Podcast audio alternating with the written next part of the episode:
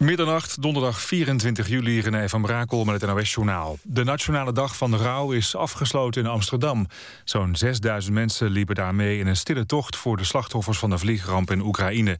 Ook op andere plaatsen in het land werden herdenkingsbijeenkomsten georganiseerd. In Amersfoort kwamen honderden mensen samen voor een speciale kerkdienst.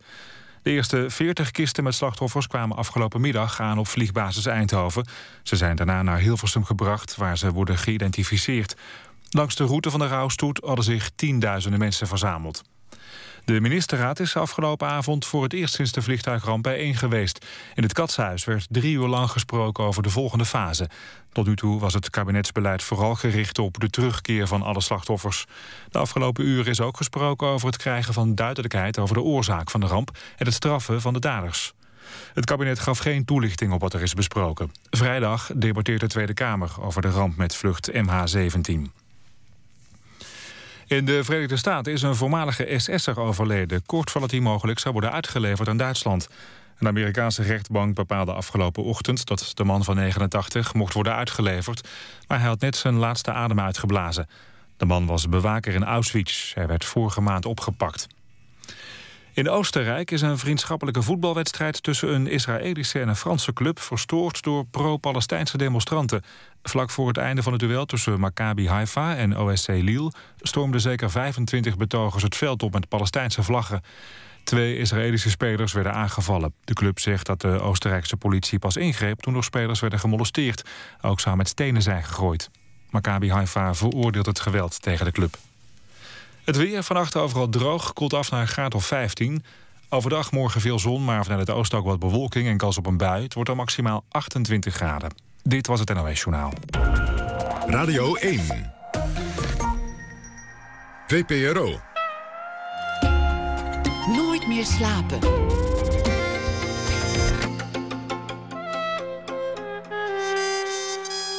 Met Pieter van der Wielen. Goedenacht en welkom bij Nooit meer slapen. Na één uur een gesprek met schilder Peter Klashorst... die na vele omzwervingen en avonturen zich heeft teruggetrokken in Amersfoort. De hele zomer. En Wanda Rijssel die volgt een week lang het nieuws en reageert daarop met een fictief verhaal, is schrijfster. Maar we beginnen met Nanine Linning, een wereldster in de moderne dans. Ze was de jongste choreograaf bij Scapino, maar had geen zin om daar heel lang een aanstormend talent te blijven. En sprong dus in het diepe, kreeg in 2009 een eigen theater in Osnabrück in Duitsland. Inmiddels is ze verhuisd naar Heidelberg, waar ze een theater en een gezelschap met haar eigen naam heeft. Dance Company Nanine Linning Theater Heidelberg. Internationaal kreeg ze buitengewoon veel lof, meer prijzen dan ik hier kan opnoemen. En haar laatste voorstelling Zero is op tournee in meerdere Europese landen geweest en nog te zien de rest van het jaar. Hartelijk welkom, Nanine Linning. Hi. Net teruggekomen uit uh, Duitsland. Uh, wat een dag om terug te komen. Ja, een hele, hele emotionele dag. En dan eigenlijk ook toch heel fijn om juist op zo'n dag thuis te zijn. Er zijn een paar dagen per jaar dat ik graag thuis ben, waaronder uh, dodenherdenking en bevrijdingsdag. Dat voelt dan toch prettiger om aan deze kant van de grens te zijn. En zo heb ik vandaag dat ook wel ervaren, ondanks dat ik heel veel uren in de trein heb gezeten. Ja, is het belangrijk toch dat je dat deelt. Ik wil het met je hebben over uh, machteloosheid. Dat is volgens mij ook een thema in, in veel van jouw voorstellingen. Volgens mij heeft ons land de afgelopen week een korte cursus uh, machteloosheid in, in honderd delen gekregen. Ja. Dat, dat je, ja, er zijn situaties, ondanks dat iedereen zegt van als je maar wil en als je je gedachten ertoe zet, zijn er gewoon situaties mm. waarin je het niet voor het zeggen hebt en waarin je vo volkomen machteloos bent en het eigenlijk geen donder uitmaakt wat je doet. Mm. Omdat dingen Ja. gewoon overkomen. En volgens mij is dat waar het de afgelopen week uiteindelijk over ging. Ja, en waar we volgens mij heel slecht mee om kunnen gaan. Omdat het ehm, het laatste is wat je, wat je wil. Dat je, dat je er geen greep op krijgt en dat het eh, met je speelt. En, ehm, maar ik merk wel dat ook machteloosheid ehm, brengt ook met zich mee heel, heel snel een soort dankbaarheid voor alles wat dan, waar, waar je dan nog wel bij kan. Ehm, een blik van iemand of een, of, een, of een hand in jouw hand. Of weet je, dat soort kleine dingen, dan ga je dan nog meer ervaren. Omdat, omdat je toch voelt van ja, maar liefde kan ik ook genereren in tijden van, van, van angst of, of verdriet. Ehm, ehm, je, je, je, je merkt dan eigenlijk toch ook wel hoe sterk je bent. En hoe sterk een volk is, of een natie is, of een, of een familie. Um, dat, nou ja, dat, dat, dat, dat is heel erg mooi ook om te zien.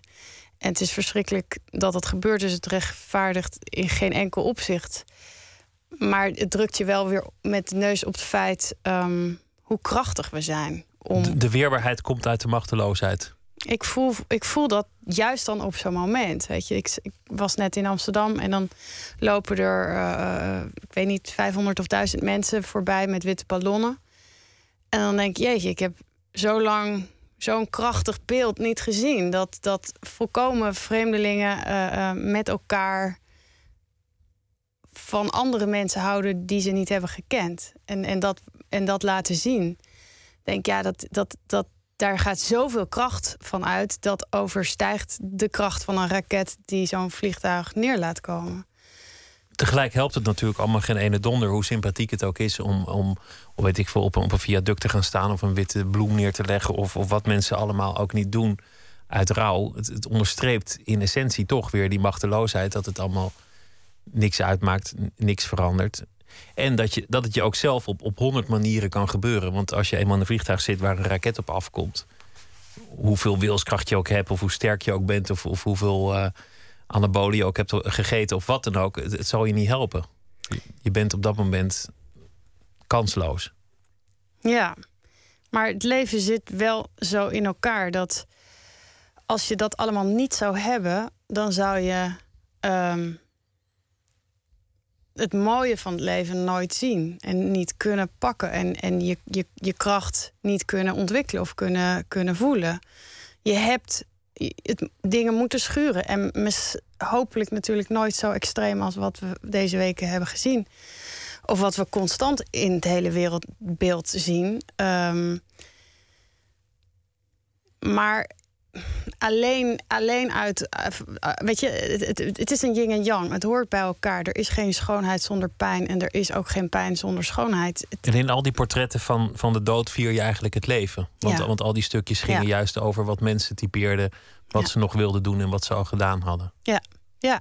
voor mij is het heel belangrijk. Ik, ik heb ik weet niet waar en wanneer ik dat in mijn leven heb opgepikt, maar vrij jong, dat bewustzijn wat ik nu dan herken bij wat oudere mensen die, die ziek zijn of, of uh, um, uh, nou ja, een, een persoonlijk drama hebben dat ik lang geleden al heb besloten van elke seconde moet ik maximaliseren. Elke seconde moet je pakken en genieten en bewust ervaren. En uh, um, het kan zomaar anders zijn of het kan zomaar afgelopen zijn. En ik denk dat dat ook een, een essentie is in mijn werk uh, in, het, in theater. Um, je, ja, hoe zou ik dat zeggen? De, de, de spanning ontstaat natuurlijk als dingen uh, schuren of, of, of pijn doen of, of knagen of, of, eh, of je machteloos voelen. Dat, dat levert zoveel emotie op. Daar, daar komt.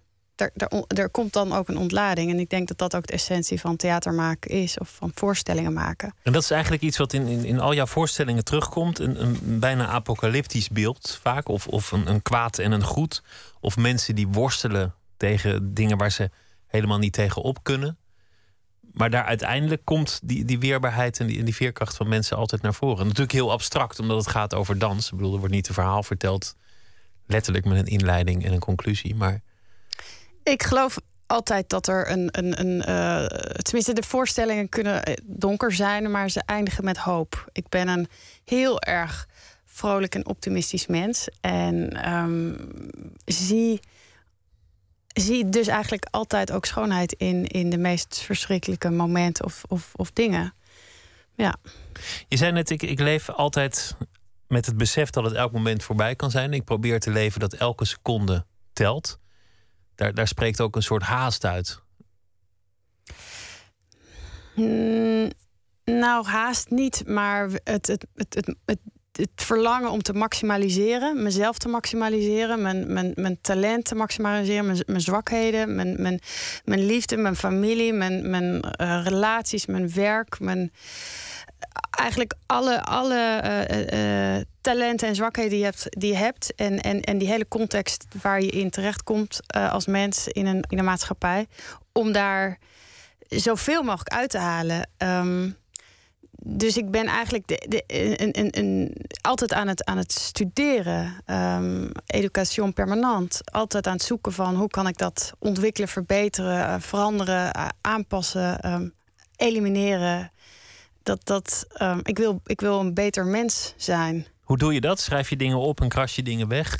Hier wil ik naartoe, hier wil ik vanaf? Ja, ik maak elk, elk jaar maak ik uh, uh, weer een, een, een nieuw, nieuw toekomstplan. Um, zowel artistiek als zakelijk, als privé, als in relaties. Uh, beschrijf ik waar ik ben en waar ik naartoe wil. Um, ik ben heel ambitieus. Ik durf, heel, ik durf hardop groot te dromen.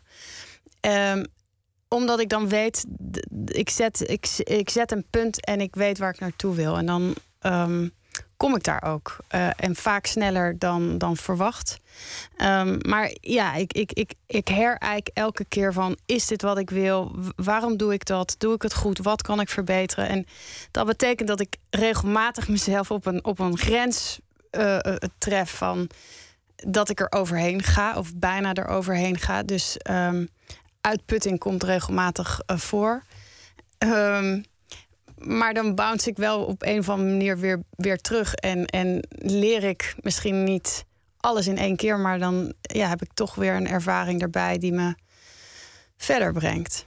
Wat als het noodlot zou komen? Niet, niet in, de, in de zin van, van een, een, raket in een vliegtuig, maar een stukje zeep in de douche kan het ook doen. Of, of, een, of, of een touw dat, uh, dat daar in de weg lag. Of, uh, of een keer achter het stuur de verkeerde bocht nemen. Stel, stel dat dit het was. Dan was het geweldig. Ja? Ja. ja. Want, want, dat is natuurlijk de essentiële vraag als je, als je zoveel plannen maakt. Of, of je niet alleen maar bezig bent ergens naartoe te gaan met een zekere gejaagdheid. Um, nee. Nee, dat, zo voel ik het niet. Ik um, moet mezelf wel af en toe dwingen om langer te vieren wat ik heb bereikt. Uh, omdat um, soms de puinhopen die je creëert om iets te bereiken dan zo groot zijn dat je eigenlijk geen tijd hebt om iets te vieren, omdat je eigenlijk al in een volgend, volgend proces zit. Um, dus ik moet mezelf af en toe wel even uh, rust en tijd gunnen om, om, om te, te verinnerlijken wat, wat ik heb gedaan of bereikt of meegemaakt heb. Um, maar ja, ik heb een waanzinnig uh, leven met waanzinnig speciale mensen om me heen. Een fantastische familie. Dus um, ik zou er geen last van hebben uh, als het nu zou stoppen. Laten we voor, voor de mensen die jou wat minder gevolgd hebben, even, even terugkijken op, op die loopbaan van jou. Want je bent eigenlijk als een, als een vuurpijl omhoog geschoten in, in de wereld van de dans. Je werd geïntroduceerd als de jongste choreograaf bij, bij Scapino. Als een talent. Won al vrij snel een, een prijs, een belangrijke prijs. En toen, en toen nog eentje. Goede recensies. Dit was allemaal zo rond 2008, denk ik. Mm Mensen vonden dat toen al heel wat. En toen kwam ineens die enorme stap binnen een jaar van een eigen theater in Duitsland. Dat, dat was echt een sprong in het diepe. Ik denk dat dat gewoon lef was wat je daar deed. Ja, dat is een, een combinatie van geluk hebben, maar ook pokeren um, en um, pray for the best. um, kijk, de, toen op dat moment was het klimaat begon het eigenlijk voor het eerst echt serieus te kelderen. Uh, wat betreft um, liefde, aandacht en, en geld voor, voor de kunsten in Nederland. En ik voelde aan mijn water dat ik eigenlijk tussen het wal en het schip ging vallen. Ik was wel die jonge, jonge wilde hond waar iedereen heel enthousiast over was. En de een na de andere prijs en, en, en wat dan ook uh, ging, ging, ging goed. Maar niet echt tot de geïnstitutionaliseerde, uh, gevestigde orde behoorde. En um, ik zat daar een beetje tussenin. En ik denk dat ik net niet toen al een vaste plek of positie had vergaard om onschendbaar te, te, te, raken. Dus ik, ik voelde ook, en ik voelde ook, ik was ook emotioneel wel echt wel. Disse, uh, nee, niet disappointed, maar uh, ongeïnspireerd om in dit land verder te gaan met kunst. Waar, ehm, waar merk je dat aan? Hoe gaat dat? Ehm, nou, ik vond, ik vond en vind het heel terecht dat ik als kunstenaar mijn producties moet verantwoorden en mijn, uitgaves moet verantwoorden en, en moet vechten voor mijn artistieke eh, visie.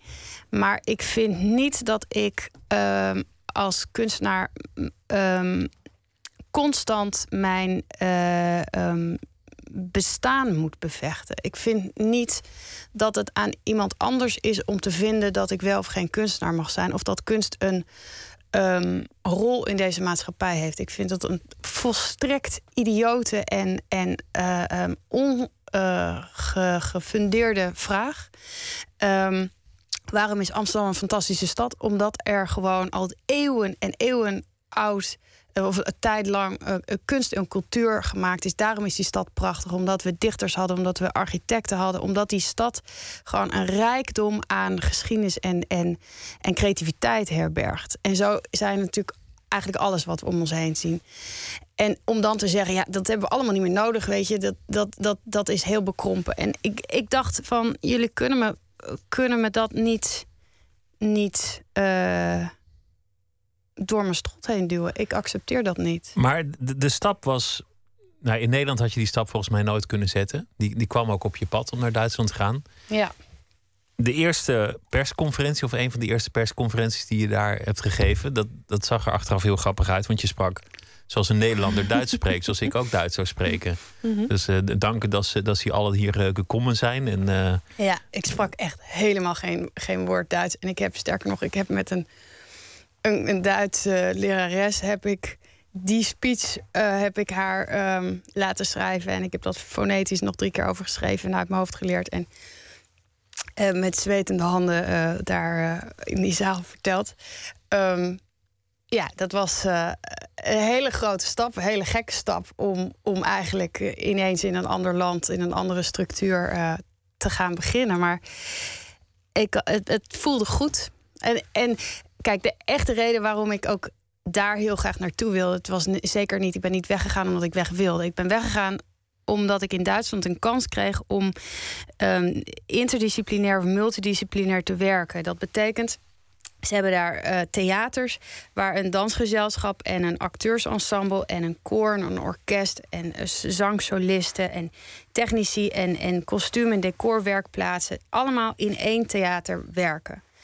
En ik maak zo werk wat, wat constant eh, eh, stromingen of, of, of genres of, of kunstvormen met elkaar versmelt of, of, of door elkaar heen gooit. En ehm, in Nederland is dat heel complex om dat te doen. Als ik een orkest wil bellen, dan hebben we het meteen over drie, vier, vijf jaar vooruit. Dan heb ik het meteen over een ton of twee of drie ton. Het is, het is vrij moeilijk in Nederland om gewoon met een aantal muzikanten, een aantal acteurs en of een opera met, met dansers en, en zangers te maken. Dat zijn voor, een, voor, een, ja, formaten die we in Nederland eigenlijk niet hebben op dit moment. En ehm, nou, dat, dat soort werk maakte ik al, maar dan kleinerschalig. En ja, mijn droom was ook om een opera te maken en, en ook met acteurs te werken. En dus ik voelde me daar zo aangetrokken dat ik die kans kreeg. Dat ik dacht, ja, ehm, dit, dit is eh, zo spannend dat, dat eh, daarvoor neem ik een heel groot risico. waarom luisterden ze naar je? Want je, je komt daar als, als jonge vrouw, je, je spreekt slecht Duits en dan ga je enorme producties maken. Ineens moet je dat theater een richting geven, je moet, moet leiding geven. Dat zijn functies die in Nederland altijd worden, worden waargenomen door, door olijke 55ers. Nou, ehm, ik ben niet daar de intendant eh, geweest. Dus ik ben niet de leider van dat hele theater. Ik, heb, Maar je, jij bepaalt wel van ik ik, wil, een van de artistieke kernen. Ja. ik wil dit soort pakjes en niet Ja. die. Ik wil Ja. die choreografie en ik wil, wil die muziek erbij. En het doek moet zo vallen en niet zo. Ja. Ja. Je, je, je stuurt heel veel mensen aan. Ja. ja, dat klopt. Ehm, waarom? ehm, ik heb ehm, in mijn steenkolen Duits mijn hele visie op tafel gegooid. Ik heb precies gezegd wat ik wil. En ehm, nou ja, zij hebben mij, mij gespot. Ze zijn stiekem zijn ze naar een voorstelling bezig kijken. Ik wist niet dat ze aanwezig waren. Ehm, en zij hebben mij daar een inleiding zien geven in Nederlands. En zij spreken geen Nederlands. Ehm, waar ze niks van verstonden, maar waar ze mij uh, ten volle uit eigenlijk wild pratend, uh, in vuur en vlam stond ik blijkbaar. Dat ze dachten, ja, dat is wel type, de vrouw, de, de, de, de mens die, die we nodig hebben. En, en, ik ben blijkbaar overtuigend geweest in mijn, in mijn productie die ze hebben gezien. Dus ik denk dat dat voor hun ook een risico is geweest. Um, maar uh, Nederland staat natuurlijk goed aangeschreven, ook in Duitsland, voor zijn regisseurs en zijn choreografen. Dus um, misschien um, voelde dit voor hun gewoon goed. We gaan luisteren naar uh, muziek. Eens even kijken. We gaan draaien Crazy in Love van Anthony en de Johnsons. En dat is een nummer uiteraard van Beyoncé oorspronkelijk.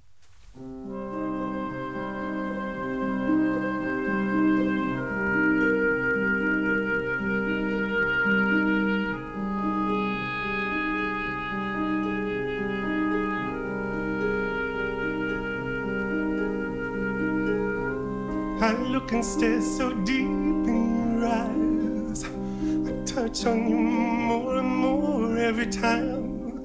When you leave, I'm begging you not to go. Call your name two or three times in a row.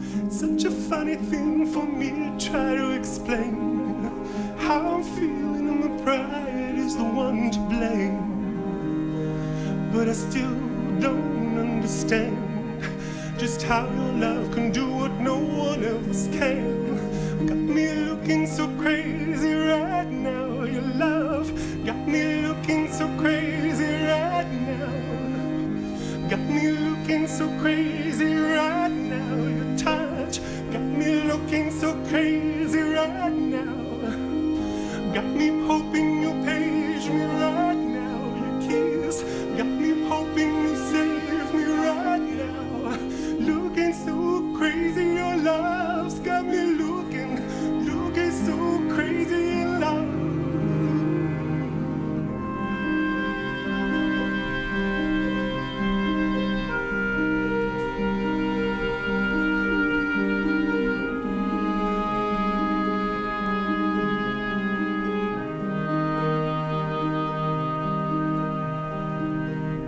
When I talk to my friends so quietly, done to me. Tennis shoes, don't even need to buy a new dress. You ain't here, there ain't no one else to impress. Just the way that you know what I thought I knew. It's just the beat that my heart skips when I'm with you.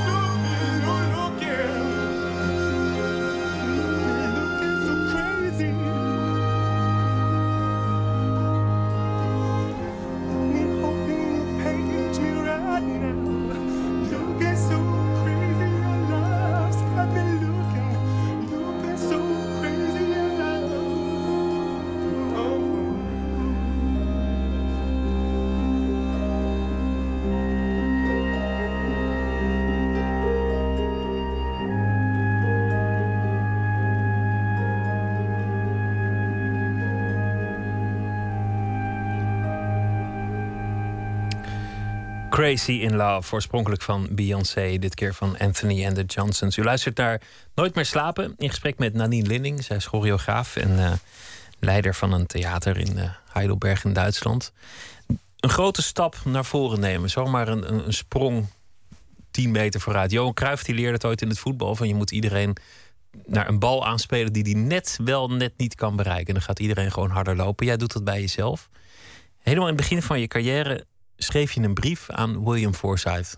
Een van, een van de aller, allergrootste namen in de moderne dans. Het is de, nou ja, noem eens wat, de, de Michael Jackson van, ja. van, de, van de dans. De Ja. Johan Cruijff van de dans. Ja. En, en jij als student schrijft gewoon een brief aan hem. Wat wat stond er in die brief?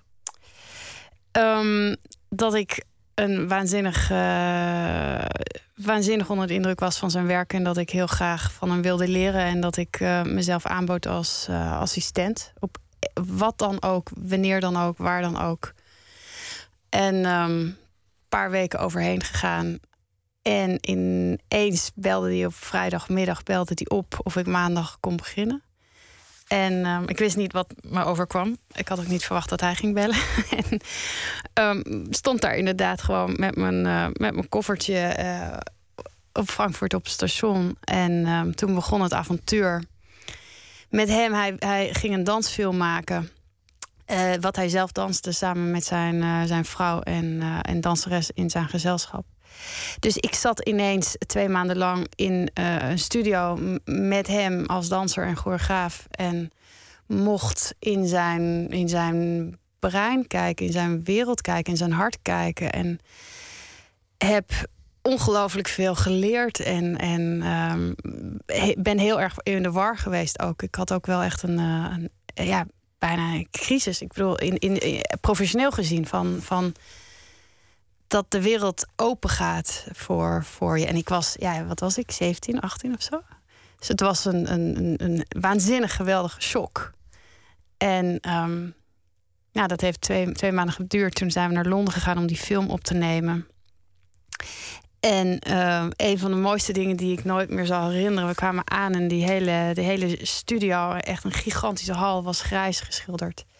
En wij lopen daar binnen. Hij zegt, oh, dat is niet goed grijs. Dat moet helemaal opnieuw geschilderd worden. Ja, maar Mr. Forsyth, Billy... eh, morgen gaan we opnemen. Dat krijgen we nooit meer droog. Hij zegt, I don't care. It needs to be different color of grey. En ehm, de volgende ochtend komen we daar dus. En wat blijkt nou? Dat is echt... Ik kon nauwelijks het verschil zien tussen het ene grijs en het andere grijs. Hij zegt, nee, this is the, this is the perfect grey. En toen dacht ik... Toen dacht ik, wauw, life is in the detail. Weet je, er, het, het, is, het gaat alleen maar over details. Maar jij was de assistent, dus waarschijnlijk was jij ook degene die de hele tijd achter dergelijke details aan moest rennen. Nee, ik was choreografisch assistent. Dus ik heb, me, ik heb logboeken bijgehouden over welke, welk dansmateriaal. ehm, hij, had een, hij had een alfabet gecreëerd met eh, voor elke beweging hadden we woorden. En dan maakten we van woorden zinnen. En ik moest dus eigenlijk constant bijhouden. Eh, eh, ook op videotapejes. Wat had hij gedaan en welke combinatie? Want, want ehm, William Forsythe is iemand die extreem graag puzzelt, experimenteert en, en constant verandert. En daarom ook. had uit de hele wereld had hij uh, um, um, had kostuums ontworpen voor de film en had allerlei mensen aan het werk gezet en uiteindelijk heeft hij tegen mij gezegd: ik wil graag dat je wat trainingskleren voor me haalt, want ik vind het allemaal het klopt allemaal niet. Dus eigenlijk geeft het aan. Je, en, en zelfs tot en met de choreografie, die we twee maanden lang hebben voorbereid, hebben we niets gedaan. Hij heeft die hele choreografie heeft hij weggegooid. Hij heeft geïmproviseerd. Hij heeft een steadycam uh, besteld en heeft gezegd: we gaan nu gewoon opnemen, we gaan gewoon imp improviseren.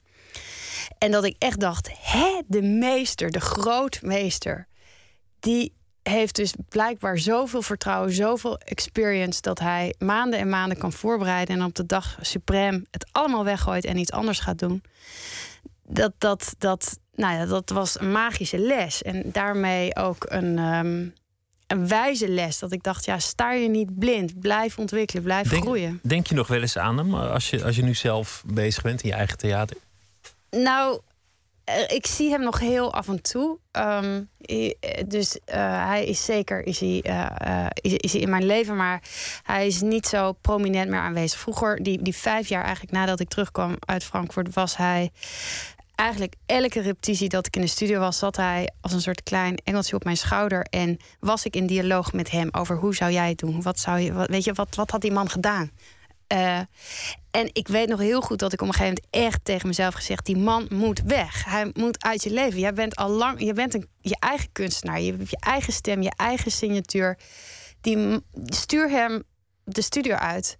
Je moet je eigen plek vinden in, in, de, in, in de dans. En um, dus toen heb ik met mezelf afgesproken: oké, hij mag mijn inspirator zijn. Hij, mag, uh, hij heeft mij in vuur en vlam gezet voor, voor, voor deze, deze kunstvorm. Maar hij mag niet meer meekijken over mijn schouder. Weer op zo'n briefje en weer doorgekrast. Ja, dat zijn, dat zijn processen die, die je uh, heel concreet moet maken af en toe. En, en inderdaad, soms is het zo letterlijk als het op een lijstje zetten of het van een lijstje afgooien. En moet je dan ook dat lijstje nog versnipperen of, of op een bord schrijven en dat tegen de muur nee, kletteren nee, of dat soort dingen? Niet, nee, of een plank doormidden nee, slaan? Nee, nee, het moet in mijn hersens moet het kraken en dat ik denk, ja, het makes sense het werk van William Forsythe, daar zit, daar zit heel veel dat apocalyptische in waar we mee begonnen. We hadden het over machteloosheid. Dat, dat het een thema is dat jou bezighoudt. Dat, dat je uiteindelijk pas je weerbaarheid leert kennen als je een tegenslag te verwerken krijgt. Dat je het leven pas kunt vieren als je de dood in de ogen hebt gekeken. Hoe verbeeld je dat nou in een, in een dansvoorstelling? Want, want het is natuurlijk heel fysiek. Er is geen tekst. Het is heel erg met lichamelijkheid. Hoe gaat dat proces in zijn werk? Nou, dat, dat, het, thema komt denk ik vaak terug, maar in, hele verschillende vormen. Um, om een paar korte schetsjes te geven, bijvoorbeeld uh, Zero, die laatste productie um, die we um, getoerd hebben in Nederland. Uh, was ik heel erg gefascineerd door het fenomeen over, over die, die, die uh, weltuntergang, apocalyps. maar vooral ook het visualiseren of het, of het, het, het ja, het fantaseren over een nieuwe werkelijkheid, een nieuwe toekomst. En dus creëer je eigenlijk een voorstelling wat gaat over het ene afronden en het, het volgende beginnen. En dus kom je ook weer op, op, op dood en een nieuwe vorm van leven. En vroeger, toen ik klein was, dacht ik ook. Wist ik niet zeker of je eerst geboren werd en dan ging sterven. Of dat je eigenlijk uh, eerst ging sterven en, en door te sterven werd je geboren.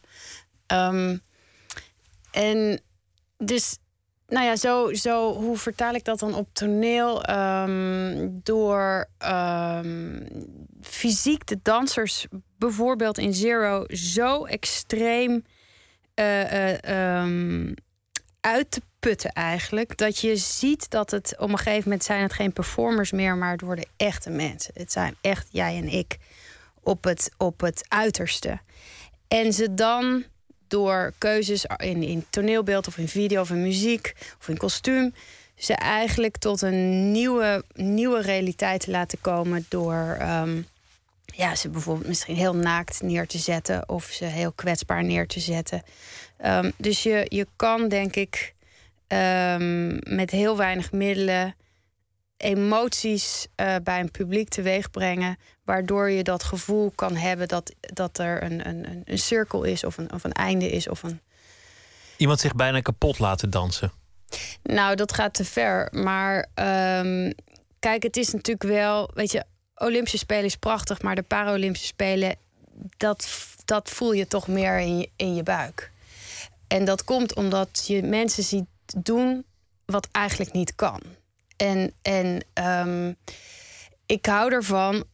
Uh, en daar ga ik ook eigenlijk tegen het klassieke ballet in. Voor mij gaat het dus niet over de lichtheid en over de makkelijkheid en over de, de, de, de, de illusie. Voor mij gaat het echt juist over het, het noest, het harde, het, het ruwe, het ruige. Dus bij mij, als de dansers vallen, dan vallen ze ook echt. En als ze elkaar niet uh, grijpen op tijd, vallen ze ook echt. En ja, dat, dat voelt een publiek. Um... Ze, ze hangen ook aan, aan muren in, in extreme omstandigheden, uh, horizontaal. Ja. Zelf heb je, heb je voor, voor een heel andere gelegenheid wel eens aan een plafond gehangen als champagne-inschenker. Dat, dat is een soort act die je, die je ook was hebt verhuurd. Wat, wat ook een heel extreem iets was om, om de hele tijd Ja. Omhoog te klauteren aan een touw en weer naar beneden. Een flesje champagne. Mensen die kwamen dan netjes in de rij een glaasje ophouden. Ja. Dat, heel fysiek extreem. Da- Daar, Ja. daar zit ook alweer dat, die, die machteloosheid in als je aan een touw hangt of, of aan de muur. Ja, ik heb in een aantal voorstellingen ehm, mensen aan hun enkels op zijn kop eh, gehangen. Ehm, omdat je dan ehm, eigenlijk. eh, je roept meteen allerlei associaties op. Het, je, je voelt in je buik als toeschouwer van dat, dat, dat hoort niet, dat kan niet, dat, dat mag niet, dat doet pijn, dat is naar. Ehm, en daarmee zet ik eigenlijk publiek meteen op de stoel die ik ze wil, wil, eh, wil hebben. Uh, maar ik heb bijvoorbeeld in Requiem um, heb ik uh, een danseres uh, 45 minuten in een aquarium gezet. Um, waar het publiek dan omheen liep. En, en dus eigenlijk zoek ik altijd de grens op van, van het menselijk lichaam. Want ik geloof dat. Nou ja, daar zit de spanning, daar zit de schoonheid, daar zit, zit verwarring. En, en neurologen hebben mij geleerd: als je de mens verwart, daar ontstaat emotie. En ik wil heel graag het publiek een, een, een fysieke, emotionele, um, audiovisuele, kinesthetische ervaring geven. Um, dus, dus moet je ze uh, um, grijpen op een manier of een moment dat ze dat, dat net op dat randje zit. Of misschien net eroverheen. Precies wat Cruijff zegt. De bal moet net iets te ver zijn. Waardoor je hem net wel, net niet, niet kunt halen. Je, danst ook voor. Als je, als je, er is een documentaire over jou gemaakt. Daarin zie je jou aan het werk met de dansers. Jij danst zelf fysiek voor van... oké, die beweging, die arm zo, dat, dat been zo, dat been zo. Heb je daarin ook de neiging om, om mensen verder te duwen... dan strikt comfortabel voor ze is? Uiteraard. Um, want in het comfortabele zit niet uh, het spannende of het nieuwe of het gewenste, denk ik. Um, zeker in kunst niet. Dus uiteraard moet je in, in alles wat je doet in je leven, als je wil groeien, moet je eigenlijk altijd iets, iets, iets proberen, iets doen wat je nog niet kan. Um, en dus push ik mijn, mijn, mijn team, of het dan zakelijk is, of artistiek, of als dansers, uh, of, of, of technici. Ik push alles en iedereen om om onszelf te verbeteren, om, om, om de kwaliteit uh, uh, groter, intensiever te maken. Want iedereen zegt, wat hun rol ook is, het, het, ze vraagt altijd het onmogelijke en het wordt nooit makkelijk. Ja, ja dat is ook zo. Ik ben niet um, geïnteresseerd in makkelijk. Maar de lat ligt voor jouzelf onmetelijk hoog. Voor dansers ligt een lat hoe dan ook al heel erg hoog. De gevoeligheid voor blessures is er, de, de gevoeligheid voor uitputting. Lopen ze wel eens weg? Zeggen mensen wel eens van nou, uh, mevrouw Linding, het is mooi met je? Nee, want ik ben niet een slavendrijver. Ik ben niet, uh, ik doe niet dingen kost wat kost. En ik ben zeker niet een ongevoelig mens. Sterker nog, ik vind het juist eigenlijk heel, heel fijn en heel belangrijk dat het leuk is en dat we, dat we het goed hebben samen. Dus ik ben. Um, vooral zelf altijd heel erg op de wip tot hoe ver ik kan gaan. En, en ben ik dus veel en veel strenger met mezelf dan met de mensen om me heen. Um, maar ik, kom, ik heb een hele, hele grote duidelijke visie en een hele grote ambitie. En ik ga dat echt bereiken. En er zijn wel momenten dat ik denk: ja, oké, dat ga ik wel doen. En als jij niet daarmee uh, in mee wil, uh, dan respecteer ik dat maar dan moeten we daar wel goed over praten. Dat, dat ik dus een andere oplossing dan moet vinden. Maar ik uh, um, stap zeker niet over mensengevoelens heen. En er zijn ook regelmatig dansers die zeggen van... Laatst heb ik een opera gemaakt, Acneton, van Philip Glass. En daar hangen de dansers 10 meter hoog. Moeten ze de lucht in om dan naar beneden te komen. Uh, um, voor een scène. Um, nou, er was gewoon één danser die heeft dat drie keer geprobeerd. Die kwam steeds echt groen beneden. Um, dat die mean, ik denk niet dat dit gaat lukken. En dat ik dan denk, dan kan je natuurlijk reageren van... verdomme, weet je, waarom en waarom zeg je dat nu? Maar je kan ook denken, jezus man, die gast heeft drie keer heeft hij dat geprobeerd voor mij. Dat ik echt denk van, hoe gaaf ben jij om dat wel te proberen? Maar ook het lef te hebben om te zeggen, ja, dat, dat gaat dus niet. Ik kan het niet. En dan, ja, dat maakt mij niet uit. Dat, dan bedenk ik weer iets anders. Dat is het leuke als kunstenaar er is voor mij geen nee. niemand kan tegen mij nee zeggen, omdat mijn, mijn hersens gewoon het woord nee niet begrijpen. Dus als jij nee zegt, dan bedenk ik weer een andere weg. Ik kom altijd op dat doel. Misschien niet altijd over, de, over dezelfde snelweg die ik wil bewandelen, maar uh, er zijn duizend manieren om ergens te komen. Grappig dat je het definieert over, over wat het is om een kunstenaar te zijn, want, want daarin heb je eigenlijk ook wel andere opvattingen dan sommigen. Ik, ik zei net al dat ik je aan een touw heb zien hangen waar je champagne in schonk. Dat, dat is een, act die je verkocht hebt een tijdje aan, aan bedrijfsfeesten. Doe je volgens mij niet meer. Is een, een poosje terug. Ik heb je ook. We, doen nog steeds. We zijn nog steeds um, actief. Um, heel veel in het buitenland. Um, wereldwijd uh, spelen we regelmatig in, in 24 uh, verschillende landen. maar ik zelf ben, ja, ik ben niet geïnteresseerd om dat kunstje te doen. Ik ben geïnteresseerd in de, in de, in de zakelijke kant van het verhaal. Um, maar het loopt nog steeds, loopt nog steeds door. Ik heb je ook wel eens gezien uh, toen je met eh, Marco Borsato samen uh, werkte. Dat, dat, is ook alweer een poos geleden. Dan deed je ook een, een, een, ding, een ding van naar beneden komen, komen zeilen en, en dat soort dingen. Heb je ook mee samengewerkt. Dat geeft eigenlijk al aan dat je een, een andere houding hebt ten aanzien van, van sommige kunstenaars. Die, die vinden dat eigenlijk dat elkaar nooit mag ontmoeten. De, de populaire cultuur, de commercie, de, de, andere kant. Ja, dat vind ik een theorie voor dinosaurussen. Die gaat gewoon niet meer op in de 21ste eeuw. Je, um, ik vind het buitengewoon inspirerend als kunstenaar om me als zakenvrouw of als, als entrepreneur um, te ontwikkelen, omdat ik dan macht terugkrijg over mijn eigen kunstenaarschap. Als ik als geen ander een begroting binnenste buiten kan rippen totdat ik blij ben als kunstenaar, uh, zal ik niet stoppen. Um, dus het, voor mij is het, is het zakelijke niet weg te denken uit het, uit, het, uit het artistieke. En het artistieke is niet weg te denken uit het zakelijke. Um, en het, het is namelijk heel erg leuk als kunstenaar om, om geld te genereren, om geld te verdienen, om je eigen dromen waar te maken. En um, ik vind het een, uh, en gelukkig hoor ik het minder en minder, maar ik, ik, ik kan me er erg aan storen als kunstenaars denken dat dat maar door anderen gedaan moet worden. Ik. Uh, um... Nou ja, je had het net over het klimaat dat in Nederland veranderd is ten aanzien van de kunsten. En dat het voor jou reden was om het land te verlaten en, en naar Duitsland te gaan dat had daar misschien wel mee te maken. Nou, niet aan het gebrek dat er weinig geld was, maar het, uh, meer het, uh, het, het, het, het, algemene klimaat dat kunst ineens niet zo belangrijk meer was. Dat stoorde mij. Um, maar misschien ook wel met, met de viesheid van, van ondernemerschap in de kunst. Zeker. Ik ben daar zeker regelmatig uh, um, werd ik en word ik door mede-collega's. Um, daar een beetje uh, op, op, op uh, nou ja, afgerekend is niet het goede woord. Maar um, dat was zeker vijf, zes, zeven jaar geleden een heel vreemd ding om te zeggen van ja, maar ik verdien mijn eigen geld. Um, sterker nog, Happy Hour Chandelier, dat concept wat je net beschrijft met die kroonluchter waar ik in hang en dans en champagne uitschenk, heeft mij zeker uh, vijf jaar de mogelijkheid gegeven om een zakelijk leider voor mijn stichting 40 uur in de week te laten werken. Dus met andere woorden, ik verdiende mijn geld met een entertainment concept, zodat ik als kunstenaar mijn dromen kon realiseren. Um, en daarbij dus voor bepaalde dingen niet afhankelijk ben van een commissie, niet afhankelijk ben van een stadsbestuur of een deelraad of een, of een, of een sponsor. Gewoon mijn eigen projecten met mijn eigen geld kon, kon opzetten.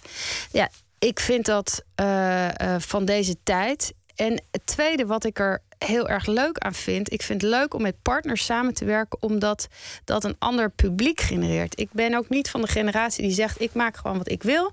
En jij komt maar naar die schouwburg uh, en je. Uh, um, weet je, ik, ik heb bijvoorbeeld enorm genoten van het feit dat ik de kans kreeg om met de Bijenkorf um, een uh, commercial voor ze te maken. Dat betekent dat ik ineens een platform krijg om potentieel 16 miljoen mensen een half minuutje een mini klein dansvoorstellingje kan laten zien. Dwars tussen de uh, autoreclames en de wasmiddelen in.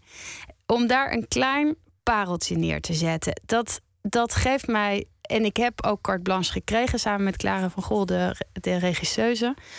ehm, om dat te mogen maken. Dat, dat is niet het enige waar ik voor leef. Maar ik vind dat als aanvulling naast mijn pure kunstenaarschap, waar ik helemaal in dat theater mijn eigen visie kan neerzetten, vind ik dat gewoon heel erg spannend dat ik de kans krijg om 16 miljoen mensen te inspireren.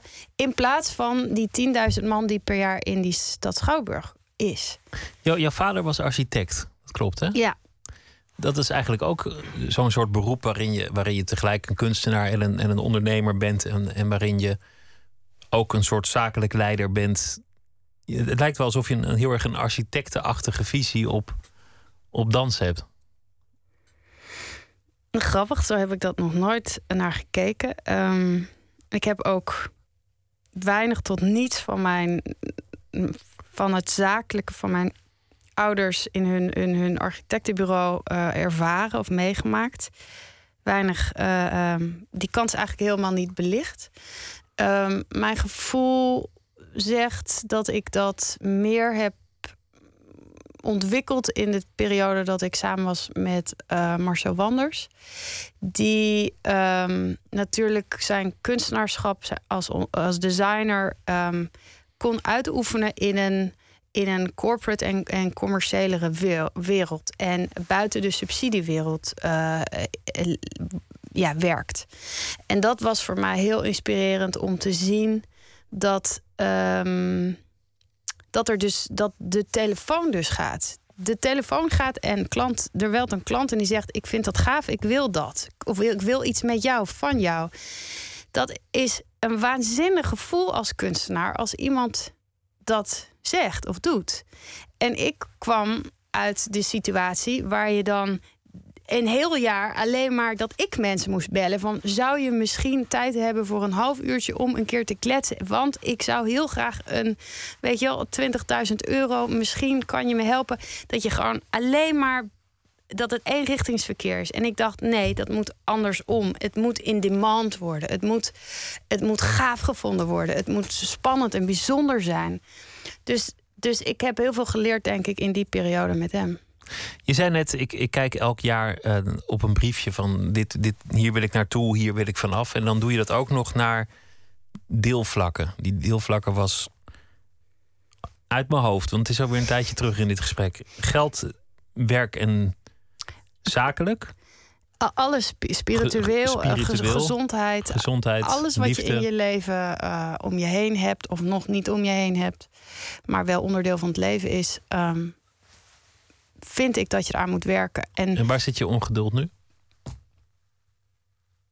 Mijn ongeduld op dit moment is het eh, combineren van het, ehm, het eh, als ik het heel praktisch maak, het slapen en werken.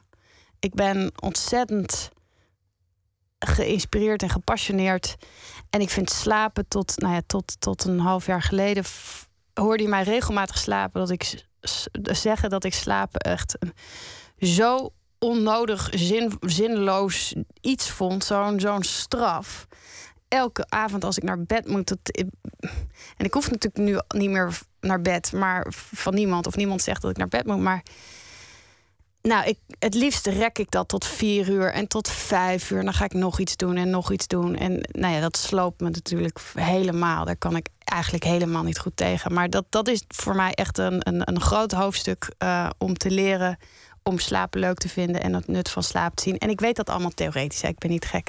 Maar ehm, de lol van leven is gewoon veel te groot. En het lol van werken en te creëren en te mogen creëren. Maar, maar slapen is het leukste deel, joh. Dat ik, soms dan, denk, dan heb je ik, slaap altijd uit. En, dat- en dan word je wakker en denk je... Dat was zo lekker. Waar, maar waarom word ik eigenlijk wakker? Waarom, waarom doe ik eigenlijk dat hele wakkere deel er nog bij? Terwijl als dat slapen al zo leuk is. Ik heb precies andersom. Ja? Ja, precies andersom.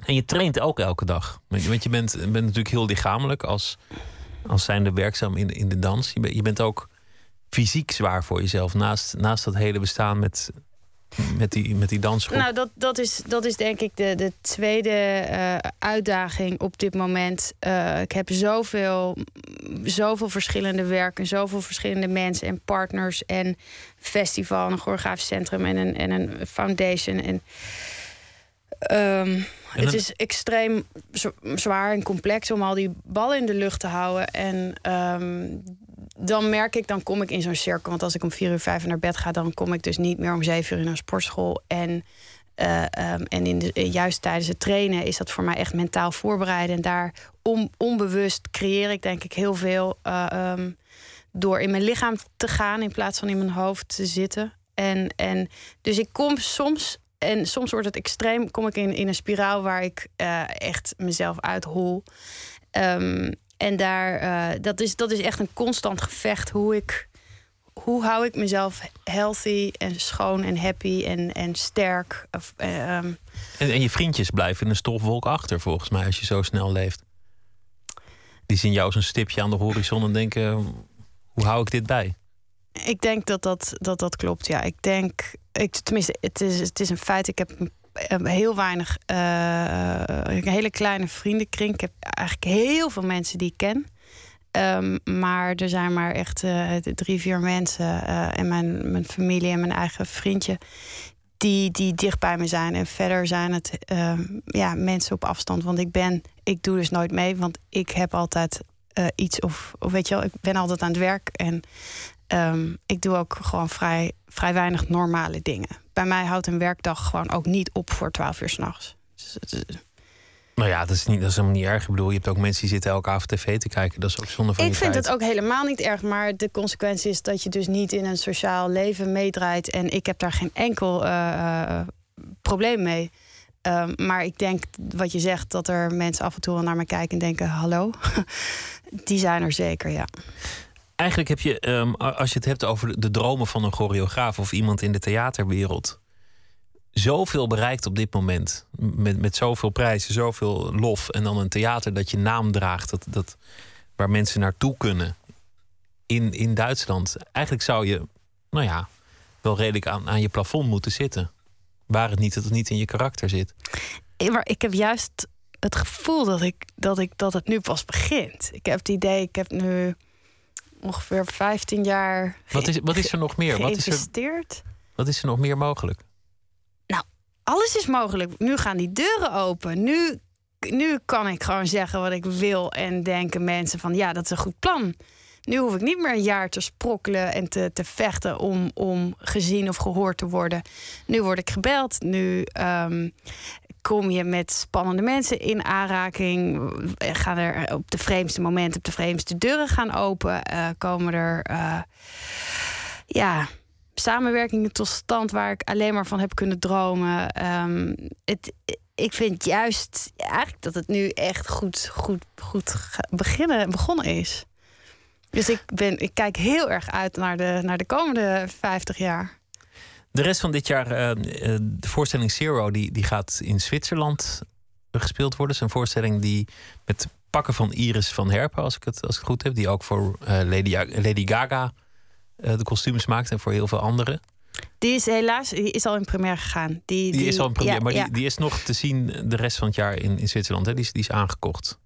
Ja, vorig jaar. Dus die, um, die is vorig jaar zichtbaar geweest. Ze hebben nu opnieuw een werk aangekocht, Requiem. Um, wat ook in Nederland uh, gezien is geweest. Um, wat volgend jaar in Zwitserland te zien is geweest. En wat uh, waarschijnlijk ook naar Londen uh, zal gaan. we, we doen een aantal optredens in Duitsland. we zijn in gesprek met Moskou. Er zijn gesprekken met Frankrijk. er er wordt behoorlijk veel eh, gesproken op dit moment. Ik wens je heel veel succes met, uh, met al die projecten en alle tours en alle dingen die je gaat doen. En uh, leuk dat je te gast wilde zijn. Dankjewel, Nani Linning. Dank je. Dankjewel. We gaan luisteren naar uh, soulmuziek. New Soul heet het uh, dan. Angie Stone met het nummer Mad Issues.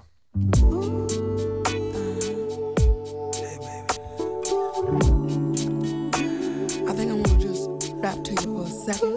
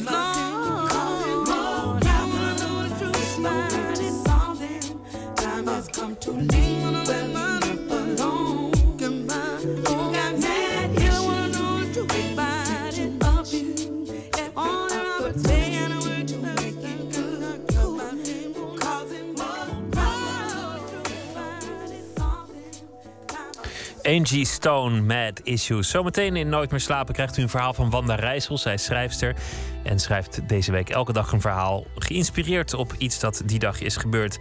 En we gaan praten met kunstenaar Peter Klashorst... die na vele omzwervingen tot rust aan het komen is in Amersfoort... waar die eh, gevestigd is als artist in residence. Twitter, at VPRO NMS of via de mail nooit meer slapen, vpro.nl. Op Radio 1. Het nieuws van alle kanten.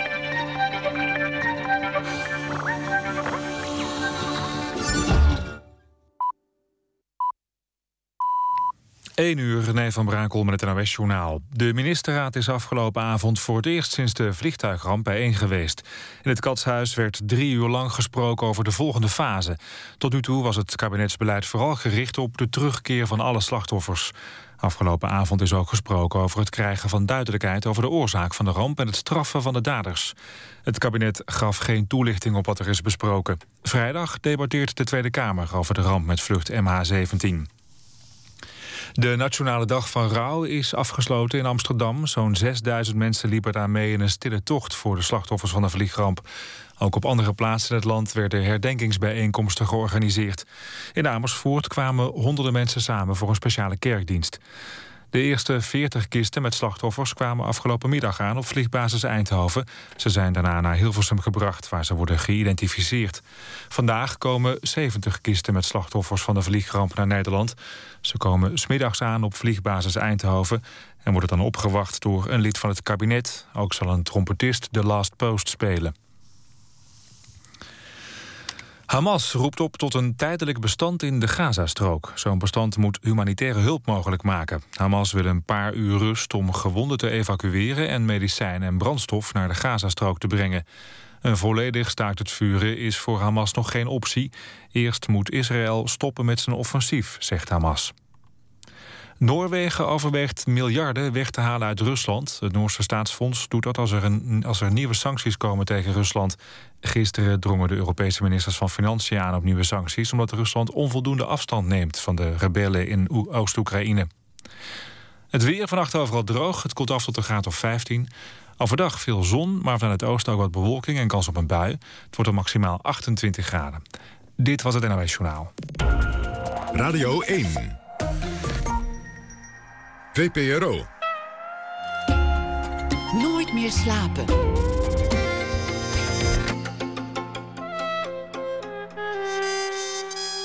Met Pieter van der Wielen. U luistert naar Nooit meer slapen. We beginnen dit uur met fictie geïnspireerd op de actualiteit. Wanda Rijssel is schrijver en schrijft deze week elke dag een verhaal. Wat dus eh, gaat over iets dat die dag gebeurd is of daarop losjes geïnspireerd is. Wanda, goeienacht. Goeienacht, Pieter. Hoe ben je deze dag van nationale rouw doorgekomen? Ja, um, nou, eigenlijk gewoon uh, in, uh, al werkend thuis aan, uh, een nieuw boek. Uh, ik heb net eigenlijk pas net in de herhaling van de nieuws zitten kijken naar die, naar die beelden van, van de stoet en de terugkeer. En, en ik moet je zeggen, ik, kijk, iedereen moet absoluut zijn eigen manier van, van rouw vinden. Ik vind dat dat, een, dat, dat thuis hoort in, in de familiekring en onder vrienden. En ik hou helemaal niet van dat soort, dit soort grote uh, manifestaties. Maar um, dit had helemaal zoiets, een ongelooflijk Amerikaanse sfeer, vond ik. Het had allemaal zoiets van, de idee van bring back our boys. En het had een heel erg militaire, ehm, ja, cachet. En dat, ik weet niet, als ik dood zou zijn bij zo'n ramp, dan zou ik helemaal niet met zo, dat militaire vertoon onthaald willen worden, eerlijk gezegd. Uh, de, uh, Arno Grunberg schreef erover vanochtend in de, in de Volkskrant... Uh, dat een uitspraak van, van um, Kurt Vonnegut was... stay out of our body bags.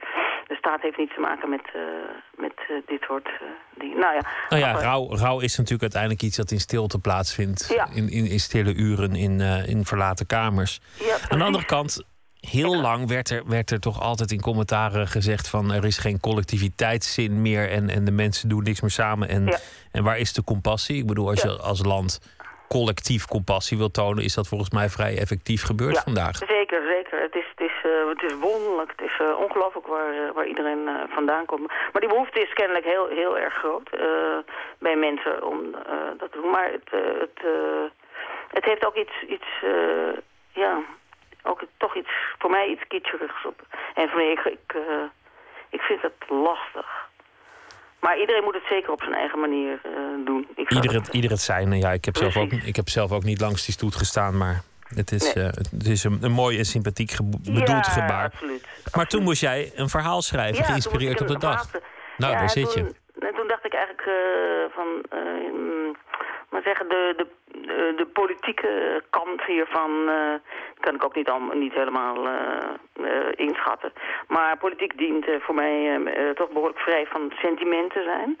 Dus ehm, ik heb het, ik heb het eigenlijk op die, over die boeg gegooid. Dus daar gaat hij. Ga je gang. It's all in the game. Deze week leerde ik het begrip proxy war kennen. Er is oorlog bij volmacht. Eén of twee landen, bijvoorbeeld Rusland en Amerika, steunen met wapens en adviezen de strijdende partij in een lokale oorlog.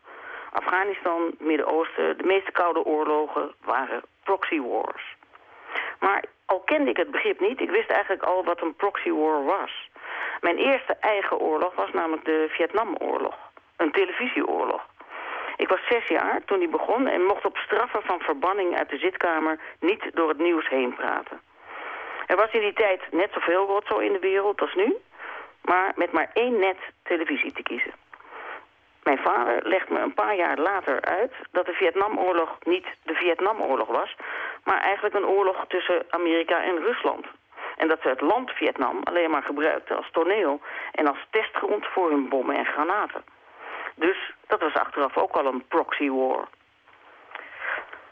Als ik vandaag de foto's van de Moskouse luitenant-kolonel buitendienst en voormalig officier van de Russische geheime dienst, de opperseparatist Igor Strelkov en zijn maat, de zelfbenoemde premier bij volmacht van het betwiste Oekraïnse gebied Donetsk, Alexander Borodai, en hun rebellenclub bekijk, zullen ze de audities van de nieuwste testosteronfilm Igor de Terminator glansrijk doorstaan.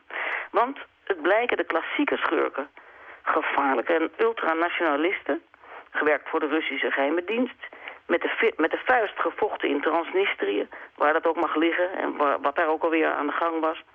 En verzot op het thuis naspelen van militaire slagen met soldatenpopjes en tankjes.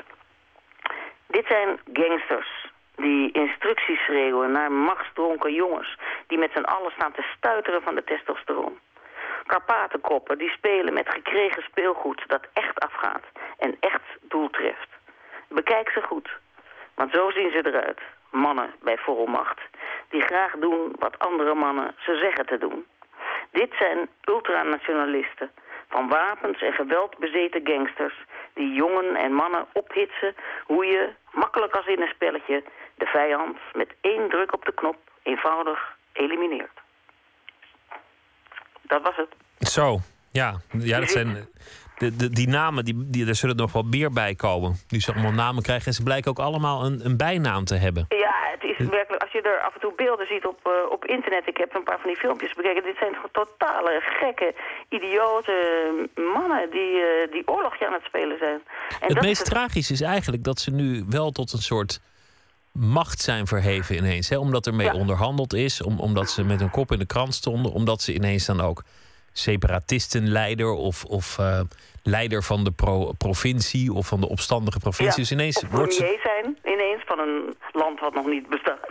Ja, terwijl niemand dat wil, hebben ze ineens toch een soort macht gekregen. Ja, ja en, en dat is waanzinnig inderdaad. Maar we moeten, van, we moeten heel erg sterk rekening houden met het feit dat er dus uh, amateurs uh, oorlog aan het voeren zijn. En die amateurs doen dus ook hele, die kunnen helemaal niet met die, uh, met die wapens omgaan, blijkbaar. Een ander ding is dat, dat iedereen nu zijn, zijn hart laat zien en, en het gevoel laat spreken. En ik heb al, al die termen wel horen langskomen bij journalisten en bij politici. Maar ik hoop dat het verstand ook zal zegenvieren. Want dat is uiteindelijk toch ook een uh, betrouwbaar kompas in ingewikkelde kwesties. Absoluut. Daarom, daarom schreef ik dat stukje. Dank je wel. We zijn het helemaal eens. Wanda Rijssel, goede nacht en uh, graag weer tot morgen. Oké, tot morgen. Hot Sprockets, een band uit Dublin. De Delta Blues Mecca noemen ze die stad zelf. Een tweede album is uit, Brother Nature. Het nummer dat wij draaien is de single Home Slice.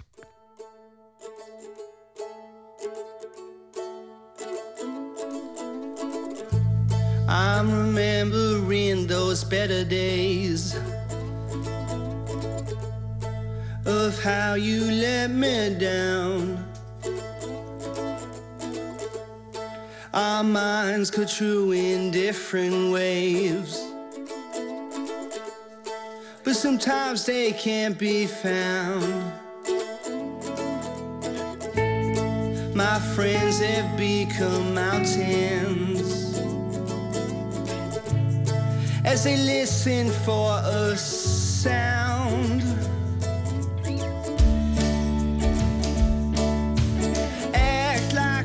Child, but my age just lets me down. We often collide, but you never come around. Will you come out of the shelf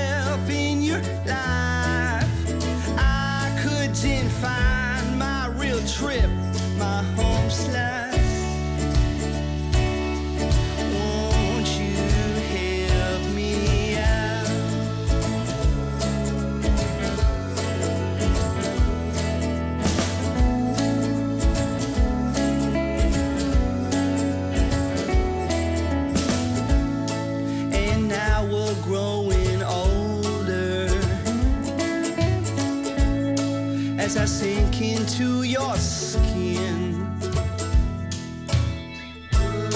Looking back over my shoulder, I knew someday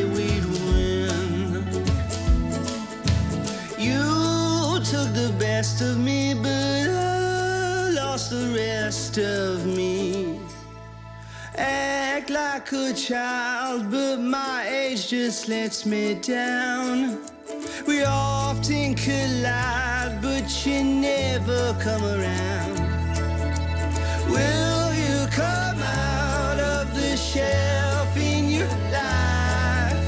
I couldn't find my real trip, my home slice. Act like a child, but my age just lets me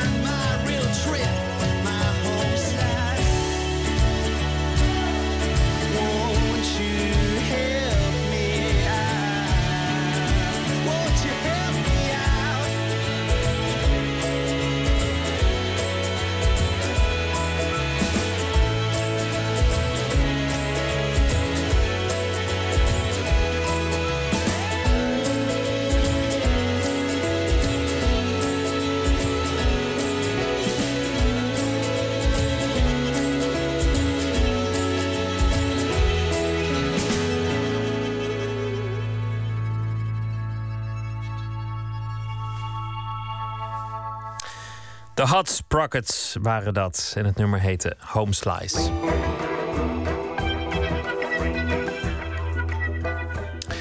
U luistert naar Nooit meer slapen. Talentenshows waarin de kandidaten onderling de competitie aangaan. X-Factor, So You Think You Can Dance, Holland's Got Talent. Ik noem er maar een paar. Ze zijn enorm populair. Maar wat je als je die competitie zou doorvoeren tot een strijd van leven en dood zou krijgen. Dat is de gedachteoefening die het begin werd van Food Life Crisis. Muziektheater van klassieke muzici Nora Fischer en het Ragazze Quartet. En jazzmuzikant Morris Kliphuis, hij schreef de muziek voor de voorstelling. Kwam tot een mengeling van alle mogelijke stijlen. Vanaf zaterdag te zien op de parade. Verslaggever Botte Jellema gaat alvast naar een repetitie. Belandt in een decor dat het midden houdt tussen een zwembadkleedkamer, een operatiezaal en een abattoir.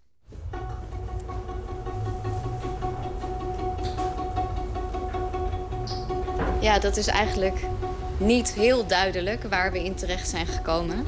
Maar in ieder geval is het een soort testruimte.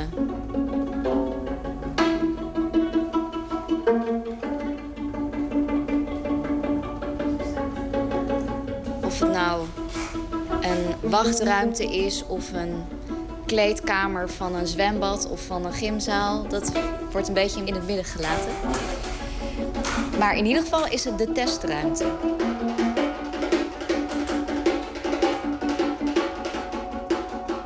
Er wordt getest wie er mag blijven. Eh, want het idee is dat eh, de aarde raakt steeds meer overbevolkt. Dus stel dat er is bedacht dat er sommige mensen het veld moeten ruimen voor anderen, omdat er gewoon geen plek meer is.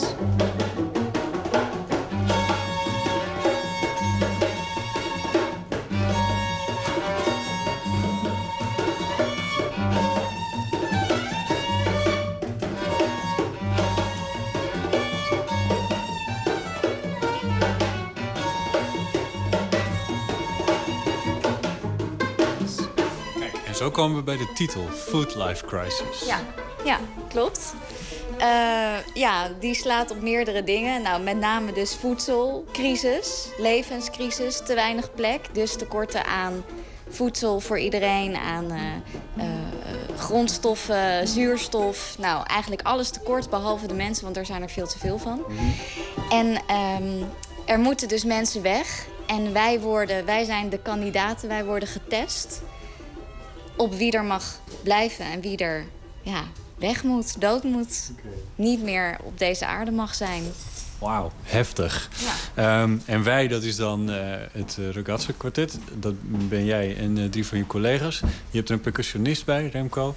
En Nora Fischer. Um, ik zou zeggen sopraan. Weet, weet, daar probeer ik een beetje vanaf te komen. Ja.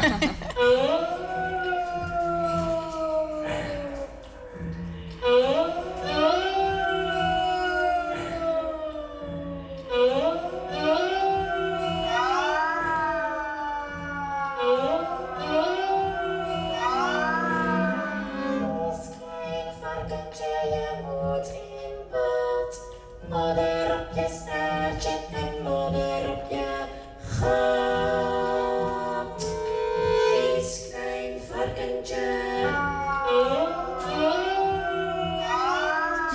Klassiek, klassiek geschoold uh, zangeres... die vooral moderne muziek uh, speelt en zingt. Ja, ach, ik, uh, ik heb altijd... Ik weet het nooit met al die, al die labeltjes en hokjes. Ik doe, ik doe van alles. Um, inderdaad klassiek opgeleid en toen anders opgeleid. En ik doe de dingen die ik tof vind. Ja. en soms is dat iets heel anders dan de andere keer. Soms is het iets heel klassieks en soms is het inderdaad iets moderns. En soms is het een weet ik veel hoe het allemaal heet. Crossover en fusion en eh, duizend namen. Um, uiteenlopende dingen. Hoe is het bij jullie begonnen, de samenwerking? Nou, we hadden eigenlijk al langer dat we dachten... we moeten een keer wat samen gaan doen. Mm. Omdat we elkaar bewonderen om de manier waarop we vanuit die klassieke muziek bezig zijn. Om toch andere wegen te vinden. Uh, meer met een avontuurlijke inslag. En... Uh, toen hadden wij met het kwartet bedacht dat wij heel graag een voorstelling wilden maken voor de parade. En dachten, zullen we daar iemand bij vragen? En toen dachten we al heel snel aan Nora, omdat die, omdat die toch al een tijdje in ons achterhoofd zat. En voor het beetje extra power en testosteron uh, hebben we toen uh, Remco uh, erbij gevraagd voor de drums, percussie. Oké. Een strijkkwartet op de parade. Nou ken ik de parade redelijk goed. Dat is een uh, rondreizend uh, theatercircus... wat verschillende uh, steden aandoet, de grote steden. Tentdoekjes tussen jou en de volgende tent. Oftewel heel veel geluidsoverlast. Daar zit je een strijkkwartet in? Ja. ja, dat is wel even een uitdaging natuurlijk. Um, maar ik denk juist dat wij die vanuit die klassieke muziek dat daar willen neerzetten, dat dat ook wel weer, ja, weer een grens over gaat. Wat wij heel graag willen en weer nieuw publiek bereiken daarmee. En we hebben ook een componist in de arm genomen, Morris Kliphuis. Uh, die muziek speciaal voor dit stuk heeft geschreven. Ook wel met in het achterhoofd. We staan op dat. Het is wel echt een festivalpubliek. Het is een stuk van 30 minuten, dus er moet behoorlijke vaart in zitten. Dus uh, ja, ik denk ook wel dat we daar heel erg bewust van zijn tijdens het maken. Hoe je dat toch doet. Niet dat we alleen maar keihard willen beuken. Want we willen ook wel gewoon echt iets moois laten horen. Um, maar ja, we gaan er wel op een bepaalde manier mee om. Die tendoekjes, dat overleef je wel? Ja, nou ja, we gaan het nog zien natuurlijk. Ik hoop het. Ja, nou, nou we, gaan, we zijn versterkt, dus anders blazen wij gewoon onze buren weg. Ja, precies. Uh, er, is, er, is, een componist bij, eh, Morris Kliphuis, zei je al. Uh, Nora, nou probeer jij je vooral te onttrekken van de composities, heb ik wel eens het idee. Dat je het liefst de eigen, ter plekke je meer op een soort jazzmanier je muziek maakt. Oh, wie heeft je dat... Nee. Nou, dat zie ik op het podium bijvoorbeeld. Want het leuke is, je pakt op een gegeven moment een microfoon. Met, wat, wat is dat eigenlijk? Een, een, een, mini-iPad of zo? Wat heb je dan voor ja, je? Ja, dat is een soort uh, effectenapparaat, loopstation ja.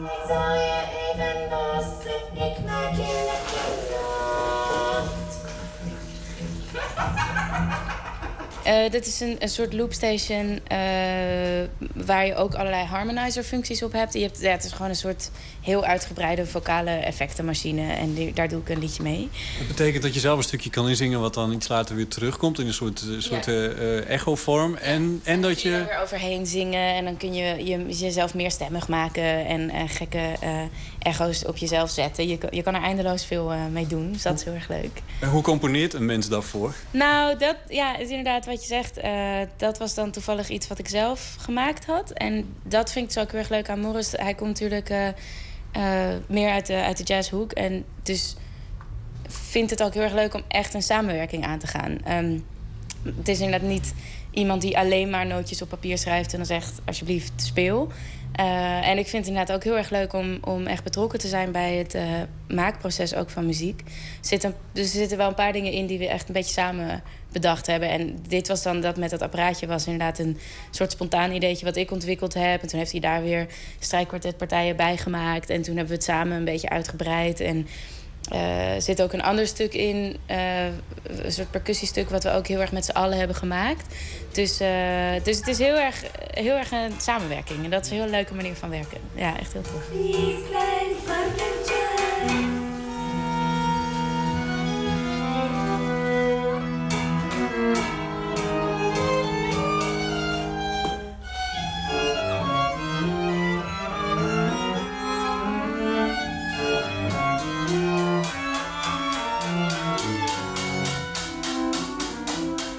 Ooit, ooit begonnen met het idee.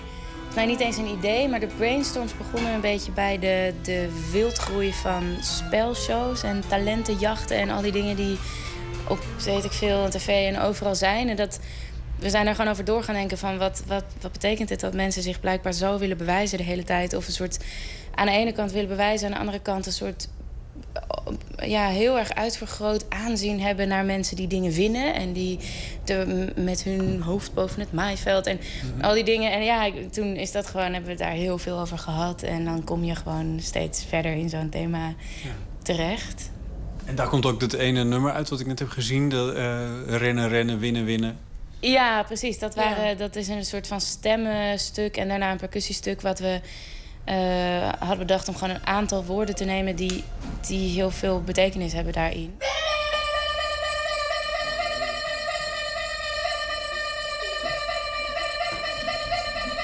Waar we ooit zijn begonnen van die tv-spelshows, hebben we tot in, het extreme, in een extreme situatie doorgevoerd. Namelijk op leven en dood of je überhaupt mag blijven voortbestaan. Ja. En dat stuk gaat daar heel erg over. Dat gaat echt over, nou, we noemen dat stuk ook de battle. Dat is de strijd zelf om uh, uh, te mogen blijven. Water, water, water, water, water, water, water, water, water, water,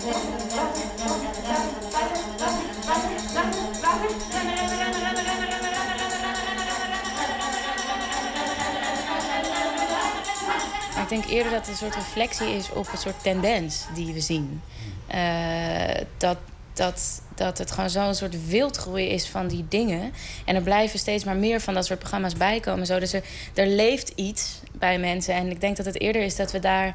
Competitie? Ja, onwijze competitiedrang en onwijze... Maar ook denk dat mensen heel sterk een soort gevoel hebben dat ze...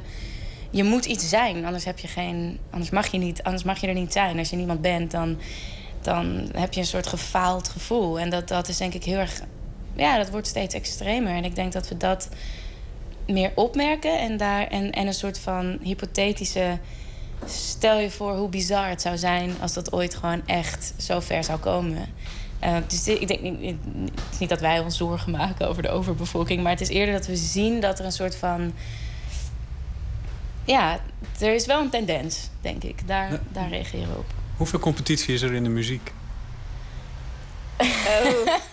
ja, ik weet, ja, dat vind ik heel erg verschillen per situatie, ja. uh, per plek. Soms kom je het opeens heel erg tegen. Nou ja, überhaupt bij audities bijvoorbeeld natuurlijk. Als 50 mensen uh, auditie moeten doen voor één uh, plek in een orkest. Heb je dat, heb je dat zelf gedaan? Ik heb wel eens een auditie gedaan, ja. Ik moet zeggen, wij spelen nu al zo lang kwartet. Dus ja, Dat is gewoon dan ongeveer het enige wat ik doe. Dus ik heb gelukkig niet zoveel van die audities hoeven te doen. Want eh, dat is ook echt geen pretje. Dan ben je echt een nummertje en mag je een halve minuut spelen. En dat is het dan. Dan moet je je kunnen laten zien in die halve minuut. En daarna, nou ja, redt dus bijna niemand het. Ehm, Nou ja, één maar- iemand dus. Eén iemand, ja. Of niet, soms wordt er niemand aangenomen. Maar ik vind ook, eh, ja, ik weet niet. Ik vind er heel vaak is er gewoon een gezonde concurrentie onder muzici. Maar echt haat en nijd, dat eh, maak ik eigenlijk bijna nooit mee. Volgens mij weet ook iedereen van elkaar dat iedereen keihard aan het werk is in deze barre tijden. En eh, respecteert iedereen dat van elkaar. Dus ja, ik vind het alleen maar heel tof als andere mensen ook succesvol zijn en eh, ja, hun ding doen.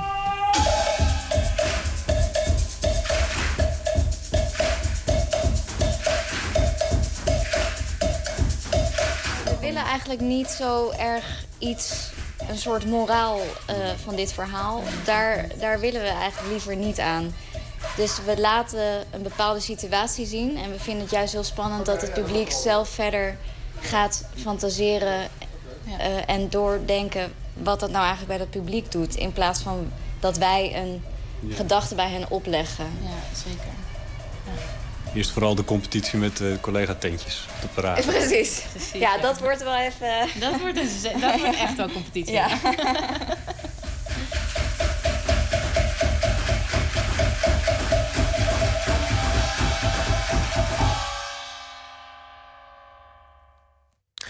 Muzikanten Nora Fischer en Rosa Arnold waren dat. En de laatste is van het Ragazze kwartet. Maakte in samenwerking met Orkater het stuk Food Life Crisis, regie van Dagmar Slagmolen. Vanaf zaterdag te zien op de parade in Utrecht. Daarna de parade in Amsterdam. En daarna het Grachtenfestival in de hoofdstad. Een bijdrage van Botte Jellema. Brian Eno noemde Anna Calvi ooit the best thing since Patti Smith. Deze week verschijnt van de Engelse zangeres-gitariste een EP met covers van onder andere David Bowie en Karen Ann. We gaan luisteren naar Anne Calvi met I'm the man that will find you.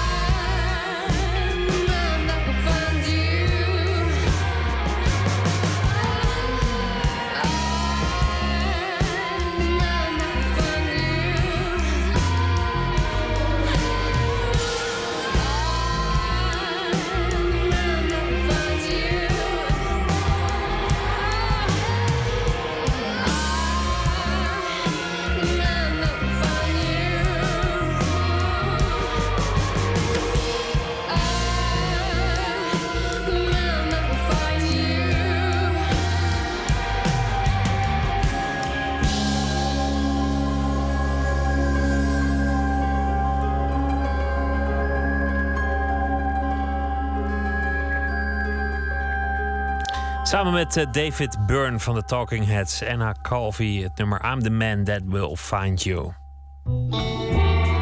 Nooit meer slapen.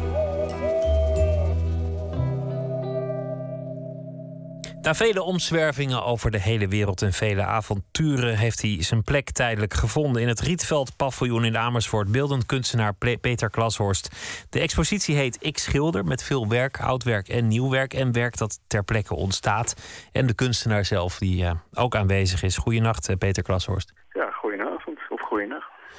Je bent er nu ook in dat eh, Rietveld paviljoen in, in Amersfoort. Hoe, ja, hoe het is verkeer je daar? vakantiehuis eigenlijk, hè. Wat, wat heb je daar allemaal tot je beschikking? Eh, nou, eh, qua, eh, er is geen douche of andere... Ik heb wel een bed hier op de, een matrasje op de vloer liggen.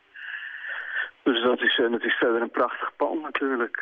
Het enige probleem is dat de ramen niet open kunnen. En met dit weer is het enorm benauwd. Maar ja, dat heeft misschien ook wel wat. Maar geen douche, hoe ga je dat doen een hele maand? Nou, dit is een fonteintje en ja, ik, ik, met, met een washandje, heel ouderwets. Uh, uh, badder ik me een beetje. Dus eh, vroeger had je een lampetkan, eh, of, of je helemaal niet douchen, lekker stinken. Kunnen mensen in Amersfoort in ieder geval ruiken waar ze moeten zijn. Je, je bent al wat gewend natuurlijk. Hè? Je hebt veel gereisd in veel hoeken van de wereld verkeerd. En eh, het was niet altijd vijf sterren waar je verbleef. Nee, maar soms wel gratis. Nu ook, neem ik aan. Dit is ook gratis, ja. Ik, het is ja, ideaal. Het is eh, een ideale vakantieverblijf. Ik kan het iedereen aanraden. Het is verder ook lekker rustig. Mooie bossen in de omgeving. En eh, ja, het is een heerlijke vakantie op deze manier.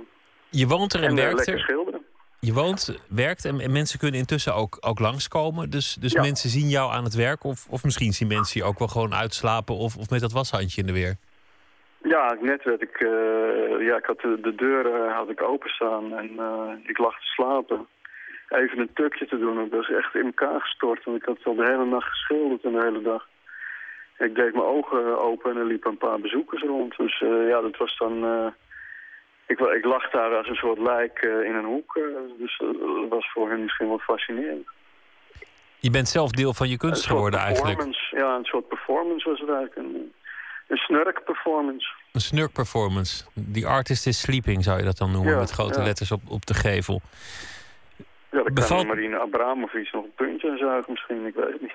Ja, dat is de best bezochte expositie aller tijden, geloof ik. Hè? Dat, dat, ze, dat ze in een stoel zat in, in de lobby en dat iedereen ja, dat nou, mocht, dat, eh, eh, dat mocht kan je bij mij dus ook meemaken. Werkt het voor je, de, de rust? Om, om, Ja, eh, het is heerlijk, ja, voor de concentratie. Ik ben natuurlijk gewend om eigenlijk altijd... nou, het bezoekersaantal is eigenlijk heel laag. Er zijn, er zijn maar weinig mensen die langskomen, omdat het, ja, het is zomervakantie. Het is warm, het is strandweer, dus ja, er komt eigenlijk geen kip. Maar het heeft ook wel wat, want eh, meestal is mijn atelier altijd bevolkt met allerlei luidjes. Het is vaak drukker dan in de kroeg en ja, dat heeft ook zijn voordelen. Want daardoor heb je altijd heel veel mensen om eh, te schilderen. Maar die stilte, dat, ja, dat heeft ook wel iets. Het, is, ja, het heeft de concentratie die je in een, een kloostercel zou hebben. Alleen is deze, deze kloostercel wat groter. Ik had gedacht dat je, gebouw. dat je na al je avonturen en omzwervingen, Afrika, eh, Cambodja, Thailand, dat je eigenlijk onrustig zou worden en tegen het eh, behang op zou klauteren in, in Amersfoort in zo'n paviljoen.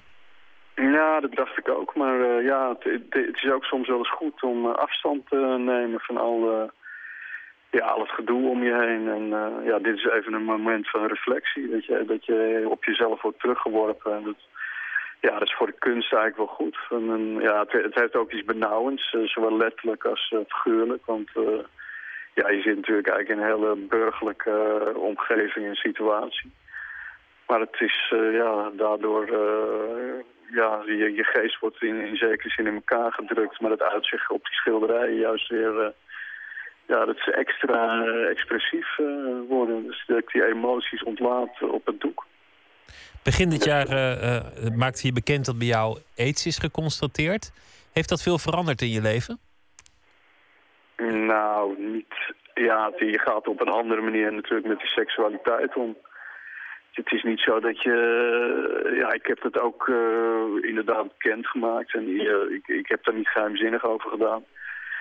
En ook eh, ja, met eh, partners uit het verleden, zowel als de toekomst, eh, ja, vertel ik dat gewoon. Dus ik ben daar eerlijk over. En ja, het is natuurlijk niet zo dat iedereen dan juichend met je in bed zat. Dat, dat, is- dat, is natuurlijk wel veranderd, ja. Maar heeft het je verder rustiger, rustiger gemaakt, afgezien van de seks? Nou, het is wel dat je daardoor na gaat denken over het leven en wat er allemaal in je lichaam zich afspeelt. En ja, de dood kan elk ogenblik toeslaan als je aids hebt. Dus elke, elke infectie, ziekte, een verkoudheidje of wat je dan ook hebt, ja, kan het eh, einde van het verhaal betekenen. Dus ik, ja, je gaat ook eh, intensiever schilderen. En heel veel van die schilderijen die zijn ook, eh, ja, ze worden ook steeds abstracter in sommige opzichten. En, ja, ik probeer ook de binnenkant van mijn lichaam te schilderen. Dus al die, al, al die celletjes. Ik weet daar niet hoe het eruit ziet, zo'n virus. En, en die bloedcellen en zo. Maar het, ja, het is wel iets wat ik, eh, wat ik ook aan het schilderen ben. Dus al die processen die zich afspelen in je lichaam en in je bloedbanen en weet ik veel wat. Ja, aan de ene kant is het natuurlijk een destructie van je lichaam. Aan de andere kant, ja, al die celletjes, ja, dat is ook toch, eh, ja, zoals de mens ontstaat. eh, De, de, de, ja, je wedergeboorte. Dus ja, dat heeft wel zijn invloed op mijn werk. Ja, ik, ik schilder er ook over. Dat expressieve, dat, dat past heel erg bij jou. Ook, ook dat je heel erg vertelt over waar je mee bezig bent. Dat je eigenlijk weinig geheimen hebt, volgens mij. En, en ook dit, dat iedereen eigenlijk alles mag zien wat je aan het doen bent. En dat zo'n periode van reflectie, zoals je het zelf noemt, ook in de openbaarheid plaatsvindt. Wat is dat? Ja, ik vind... eh, ja, eerlijk duurt het langst. Ik ben, ik ben wat dat betreft... eh, ja, ik, ik loog vroeger. Ik zou, ik zou liegen als ik zeg dat ik nooit lieg. Maar ja, het is gewoon het makkelijkste om, eh, om eh, ja, openheid te betrachten in het leven. En ja, als kunstenaar ben je toch ook altijd wel op zoek naar de waarheid. En als je dan... eh, ja, ik denk dat ik... Ja, probeer dat ook in het, in het dagelijks leven eigenlijk te doen. Het, het, het, is ook het makkelijkste om, om gewoon alles maar ja, in de openheid te doen. Er zijn heel veel mensen die zeiden tegen me ook van... ja, waarom vertel je dat eh, te- tegen mensen dat je, dat je HIV-positief bent? Dan moet je toch juist geheim houden. Maar ja, ik vind als iedereen dat zou doen... ja, dat zou misschien ook wel... eh, in ieder geval mensen de keus geven om, om, of ze dat risico willen nemen om, om die ziekte op te lopen. Maar er is natuurlijk nog een ruimte tussen de waarheid vertellen en iets theatraals doen eigenlijk. Hè? Want bijvoorbeeld reflecteren op hoe je het hebt opgelopen, dat, dat hoeft misschien niet per se. Er zit in alles wat je doet, lijkt het iets, iets theatraals, iets heel bijna exhibitionistisch. Nou ja, is, ik denk dat als je, als je schildert, dat het natuurlijk altijd een vorm van exhibitionisme is. Omdat, eh, ja, het is geen binnenvetter. eh, je, je, je, uit je in, in plaatjes en die, en die plaatjes, dat is iets eh, universeels. Dus overal in de wereld kunnen die mensen die plaatjes eh, begrijpen als ze goed kijken. En eh, ja, er zijn twee dingen die je kunt doen. Of je schildert niet, of je schildert wel. Op het moment dat je schildert, denk ik dat je ook gewoon eh, dan het grote gebaar moet maken. Ja, en het, ja, de waarheid naar buiten brengen. Of wat, wat jij denkt dan dat de waarheid is. Ja, misschien dat dat... dat ja, ik weet niet. Ik denk niet dat het theater is. Dat is gewoon... ja, ik, ik sta hier en ik kan niet anders. Dus eh, om met Maarten Luther te spreken. Ik, spijker eh, dingen gewoon tegen de muur. Zoals hij eh, zijn verhaal tegen de kerkdeur spijkerde. Dat, ja, dat was misschien ook een theatraal gebaar in die tijd. Maar ja, wat dat betreft is de kunst misschien ook wel theatraal. En het hele leven is misschien wel theater. Ben je tot nu toe pro- productief geweest in, in, deze, ja, ik- in dit ja, paviljoen? extreem. Ja, ik, ik maak, het het is een enorme ruimte hier. Dus ik, ja, ik maak van de gelegenheid gebruik. Dus ook om eh, hele grote schilderijen te maken. Het zijn allemaal schilderijen van, van een meter of tien of zo. Dus ik, ja, ik, ik, ik, eh, ik ben aan de ene kant ook heel erg geïnteresseerd in, in, de, in de hele choreografie van het schilderen. Dus de handeling van het schilderen. Dus niet alleen in het resultaat, maar ook gewoon ja, dansen om het doek heen. En, en, en- de beweging van, eh, van je hand. Ja, en anderzijds ben ik ook wel gefascineerd door allerlei details van eh, anatomische details. Hoe zit een neus in elkaar, of een oog, of een, of een, op een schedel. Dus dat probeer ik eh, ja, een synthese eh, te bewerkstelligen door, die, door zowel de binnenkant van mijn hoofd en de beweging van, van mijn lichaam. Als wel ja, de- eigenlijk de, de, de wetenschap van de anatomie en, en, en, en, en, en, en gewoon een plaatje te schilderen eigenlijk. Dus die twee dingen probeer ik te combineren. Allemaal te zien in het uh, Rietveld paviljoen in Amersfoort. Nog uh, deze zomer. Peter Klashorst, dankjewel. Een uh, goede nacht en veel plezier in het paviljoen. Ja, jij ook bedankt. En ook veel plezier met het, met het radioprogramma. Dankjewel. Goeienacht. Oké, okay, tot ziens. Hi. We gaan luisteren naar de Amerikaanse bluesmuzikant G.B. Lenoir. Hij overlijdt in 1967 aan de gevolgen van een hartaanval die hij krijgt als hij in Urbana, Illinois, door een auto wordt aangeraden. Werkelijke doodsoorzaak. Vanwege zijn zwarte huidskleur zou hij te vroeg zijn ontslagen uit het ziekenhuis door de artsen. Nou ja, we gaan een uh, liedje van hem draaien, de Vietnam Blues.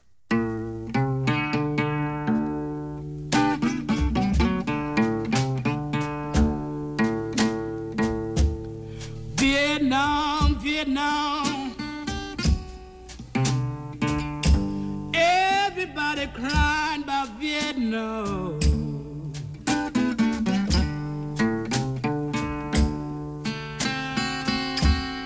Vietnam, Vietnam.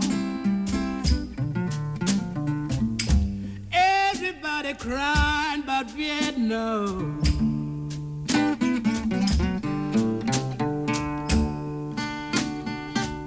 Below long as they'd killing me down in Mississippi.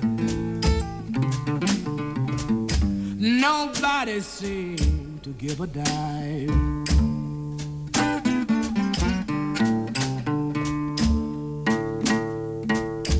Oh God, if you can hear my prayer now, please help my brothers over in Vietnam.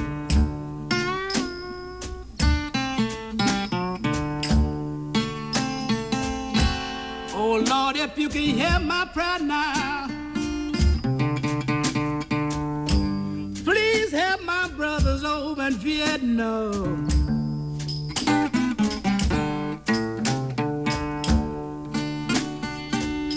The poor boys fighting, killing high and all in holes.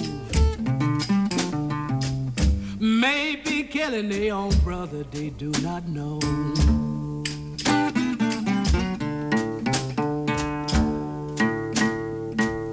Mr. President, you always cry about peace. But you must clean up your house before you leave.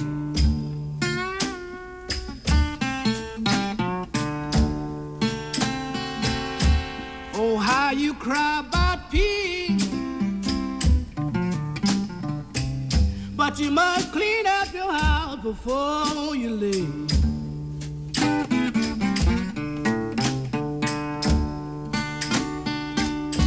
How can you tell the world how we need peace?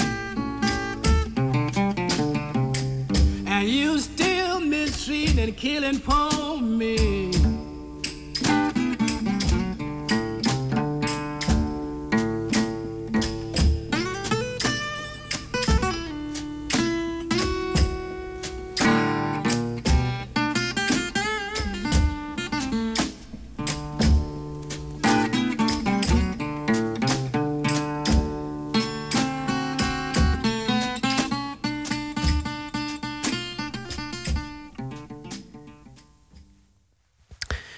G.B. Lenoir met de Vietnam Blues uit 1966.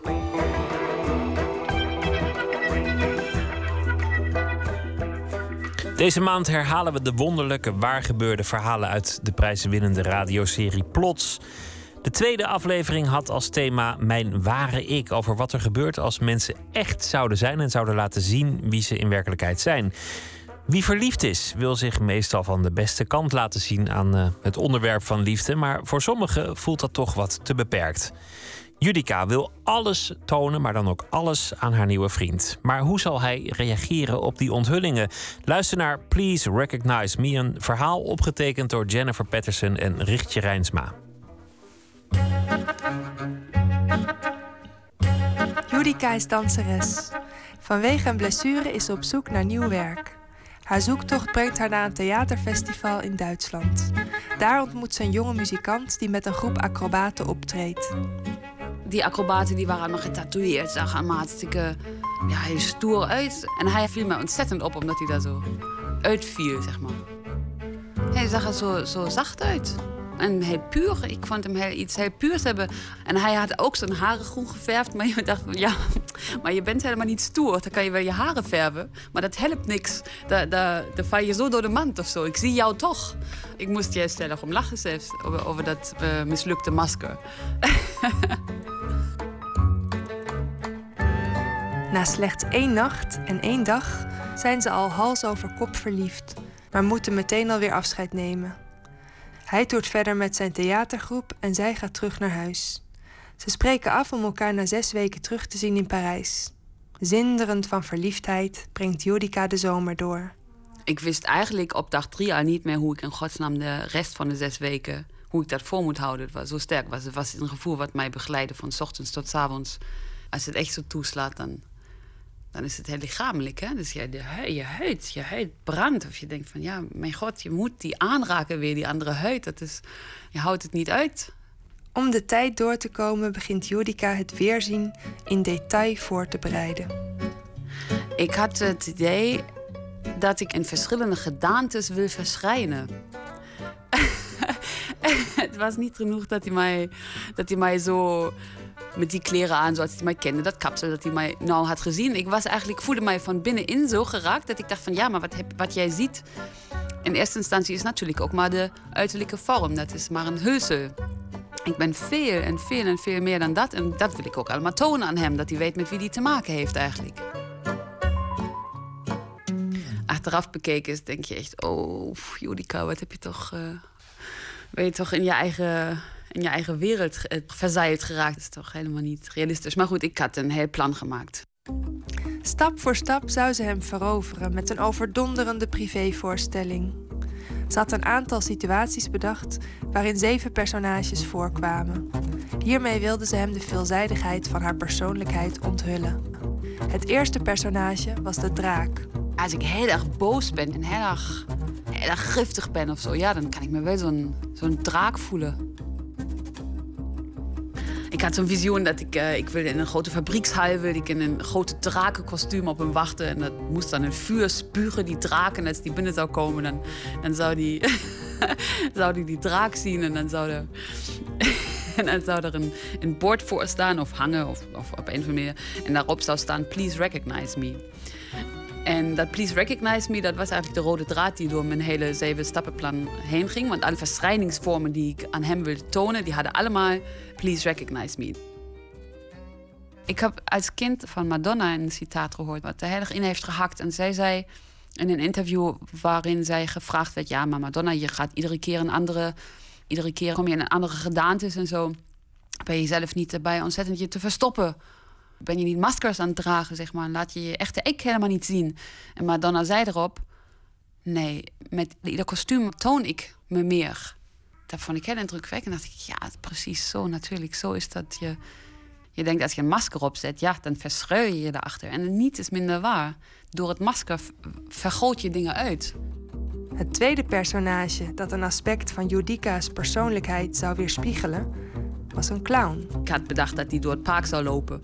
En dat hij uh, afgeleid naar boven in een boom zou kijken. En dat boven in een boom in een clownskostuum, ondersteboven hangend aan een tak. Dat ik daar zou hangen. en dat vandaar ook een klein papiertje naar beneden. Zo, eh, dat ik dat naar beneden laat en staat dan ook weer op. Please recognize me. Daarna zou ze hem opwachten in een kerk.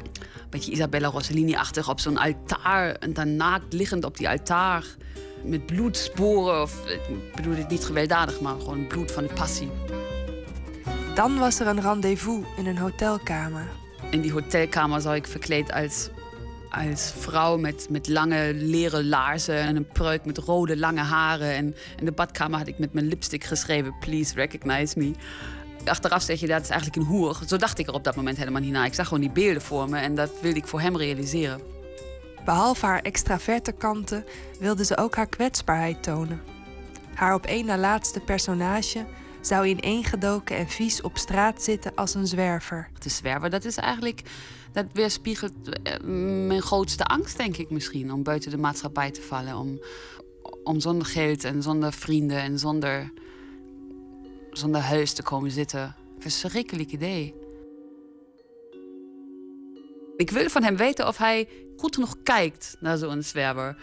Of dat hij gewoon langsloopt. Of die een van die arrogante mensen is die overal langsloopt. Nergens wat mee te maken heeft. Of, hoe goed, of wat een goed mens die eigenlijk is. Het laatste personage was de ultieme test.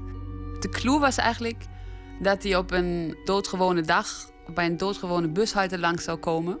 En dat ik daar gewoon zou zitten tussen al die wachtenden. Zo als, gewoon, ik, ik moet... eh, naar de tandarts of iets heel gewoons doen. En daarom zit ik hier als iedereen. En daar zou het dan ook staan op, in de stof van de, op, het, op de ruiten van de bushalte. Please recognize me.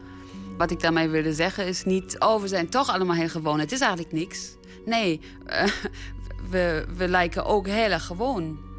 En dan is helemaal niet zichtbaar wat daarachter allemaal kan schitteren... als het wordt aangeraakt of als het tot leven gaat komen. Dat, eh, dat was de, de zevende stap. Was terug naar de verschijningsvorm van alle dag. Ik was natuurlijk met de simpelste begonnen. Hoe ik dat met die draak zou doen, daar zou ik dan later nog wel over nadenken. Ik begon eerst maar eens bij stap 1. Judica reist eerste klas met de Thalys naar Parijs om hem op te halen van het vliegveld. Ze gaat als de iets wat ordinaire verleidster van de hotelkamer. Gekleed in een sexy jurk en voorzien van een rode pruik en een zonnebril, loopt ze op hoge hakken door Charles de Gaulle.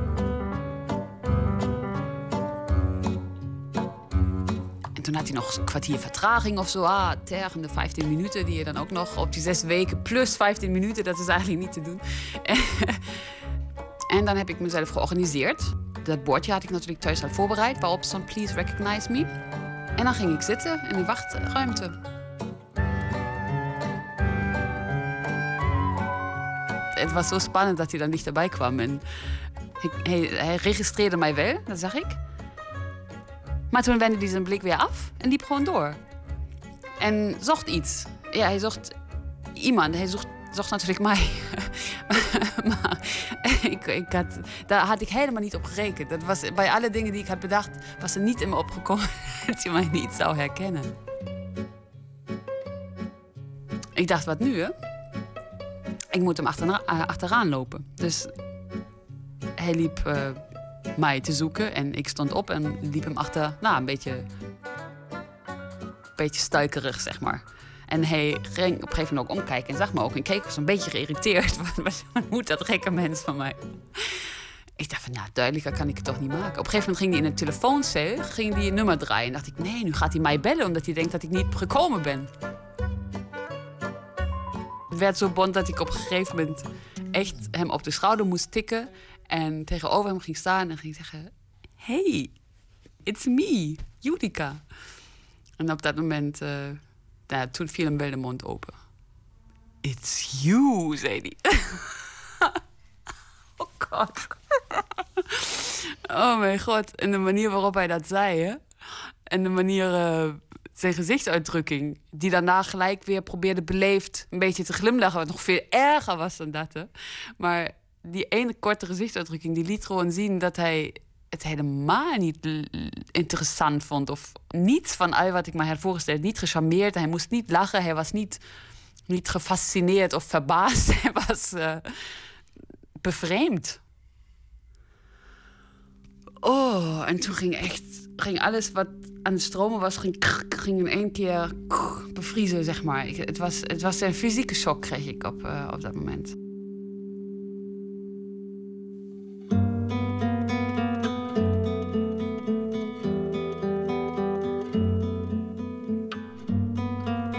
Na de rampzalig verlopen verrassing herstellen zij zich beiden naar best te kunnen en brengen de dagen zoals gepland met elkaar door. Maar het is de laatste keer dat ze elkaar zien. Dat is het tragische daaraan. Van. Je wilt zo graag heel dicht bij iemand komen en breng je mijlen ver van die persoon vandaan. Het is misschien zo dat die wens om zo samen met iemand te willen zijn, is, is een diepe verlangen, is een hele diepe drijfveer en tegelijkertijd helemaal niet mogelijk.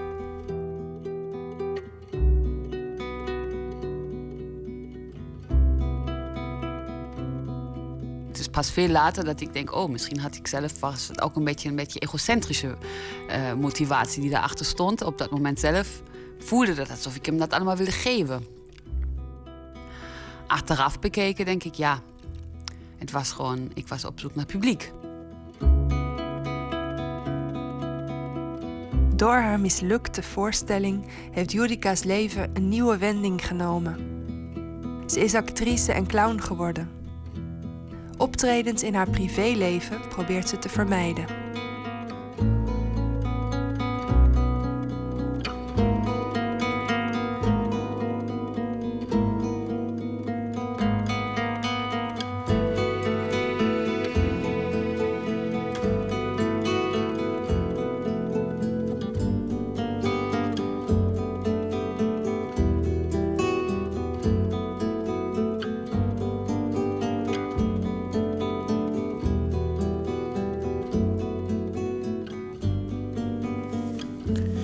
Hoorde Please Recognize Me, een verhaal gemaakt door Jennifer Patterson en Richtje Rijnsma voor de radioserie Plots.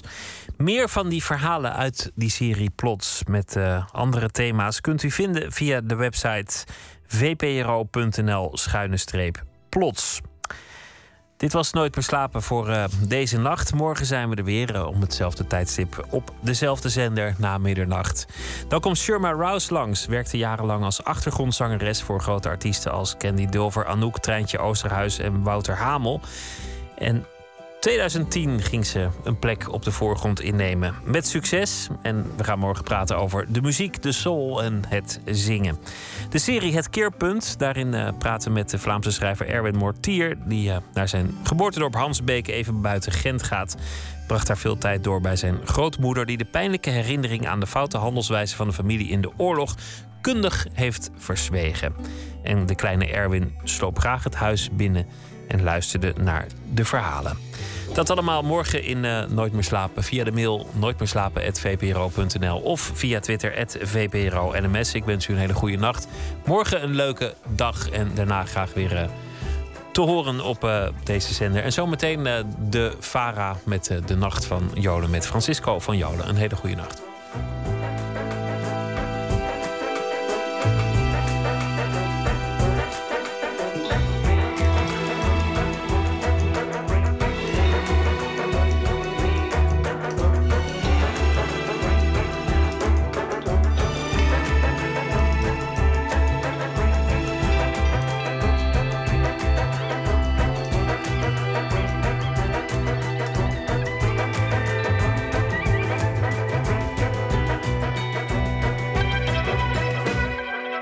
Radio 1, het nieuws van alle kanten.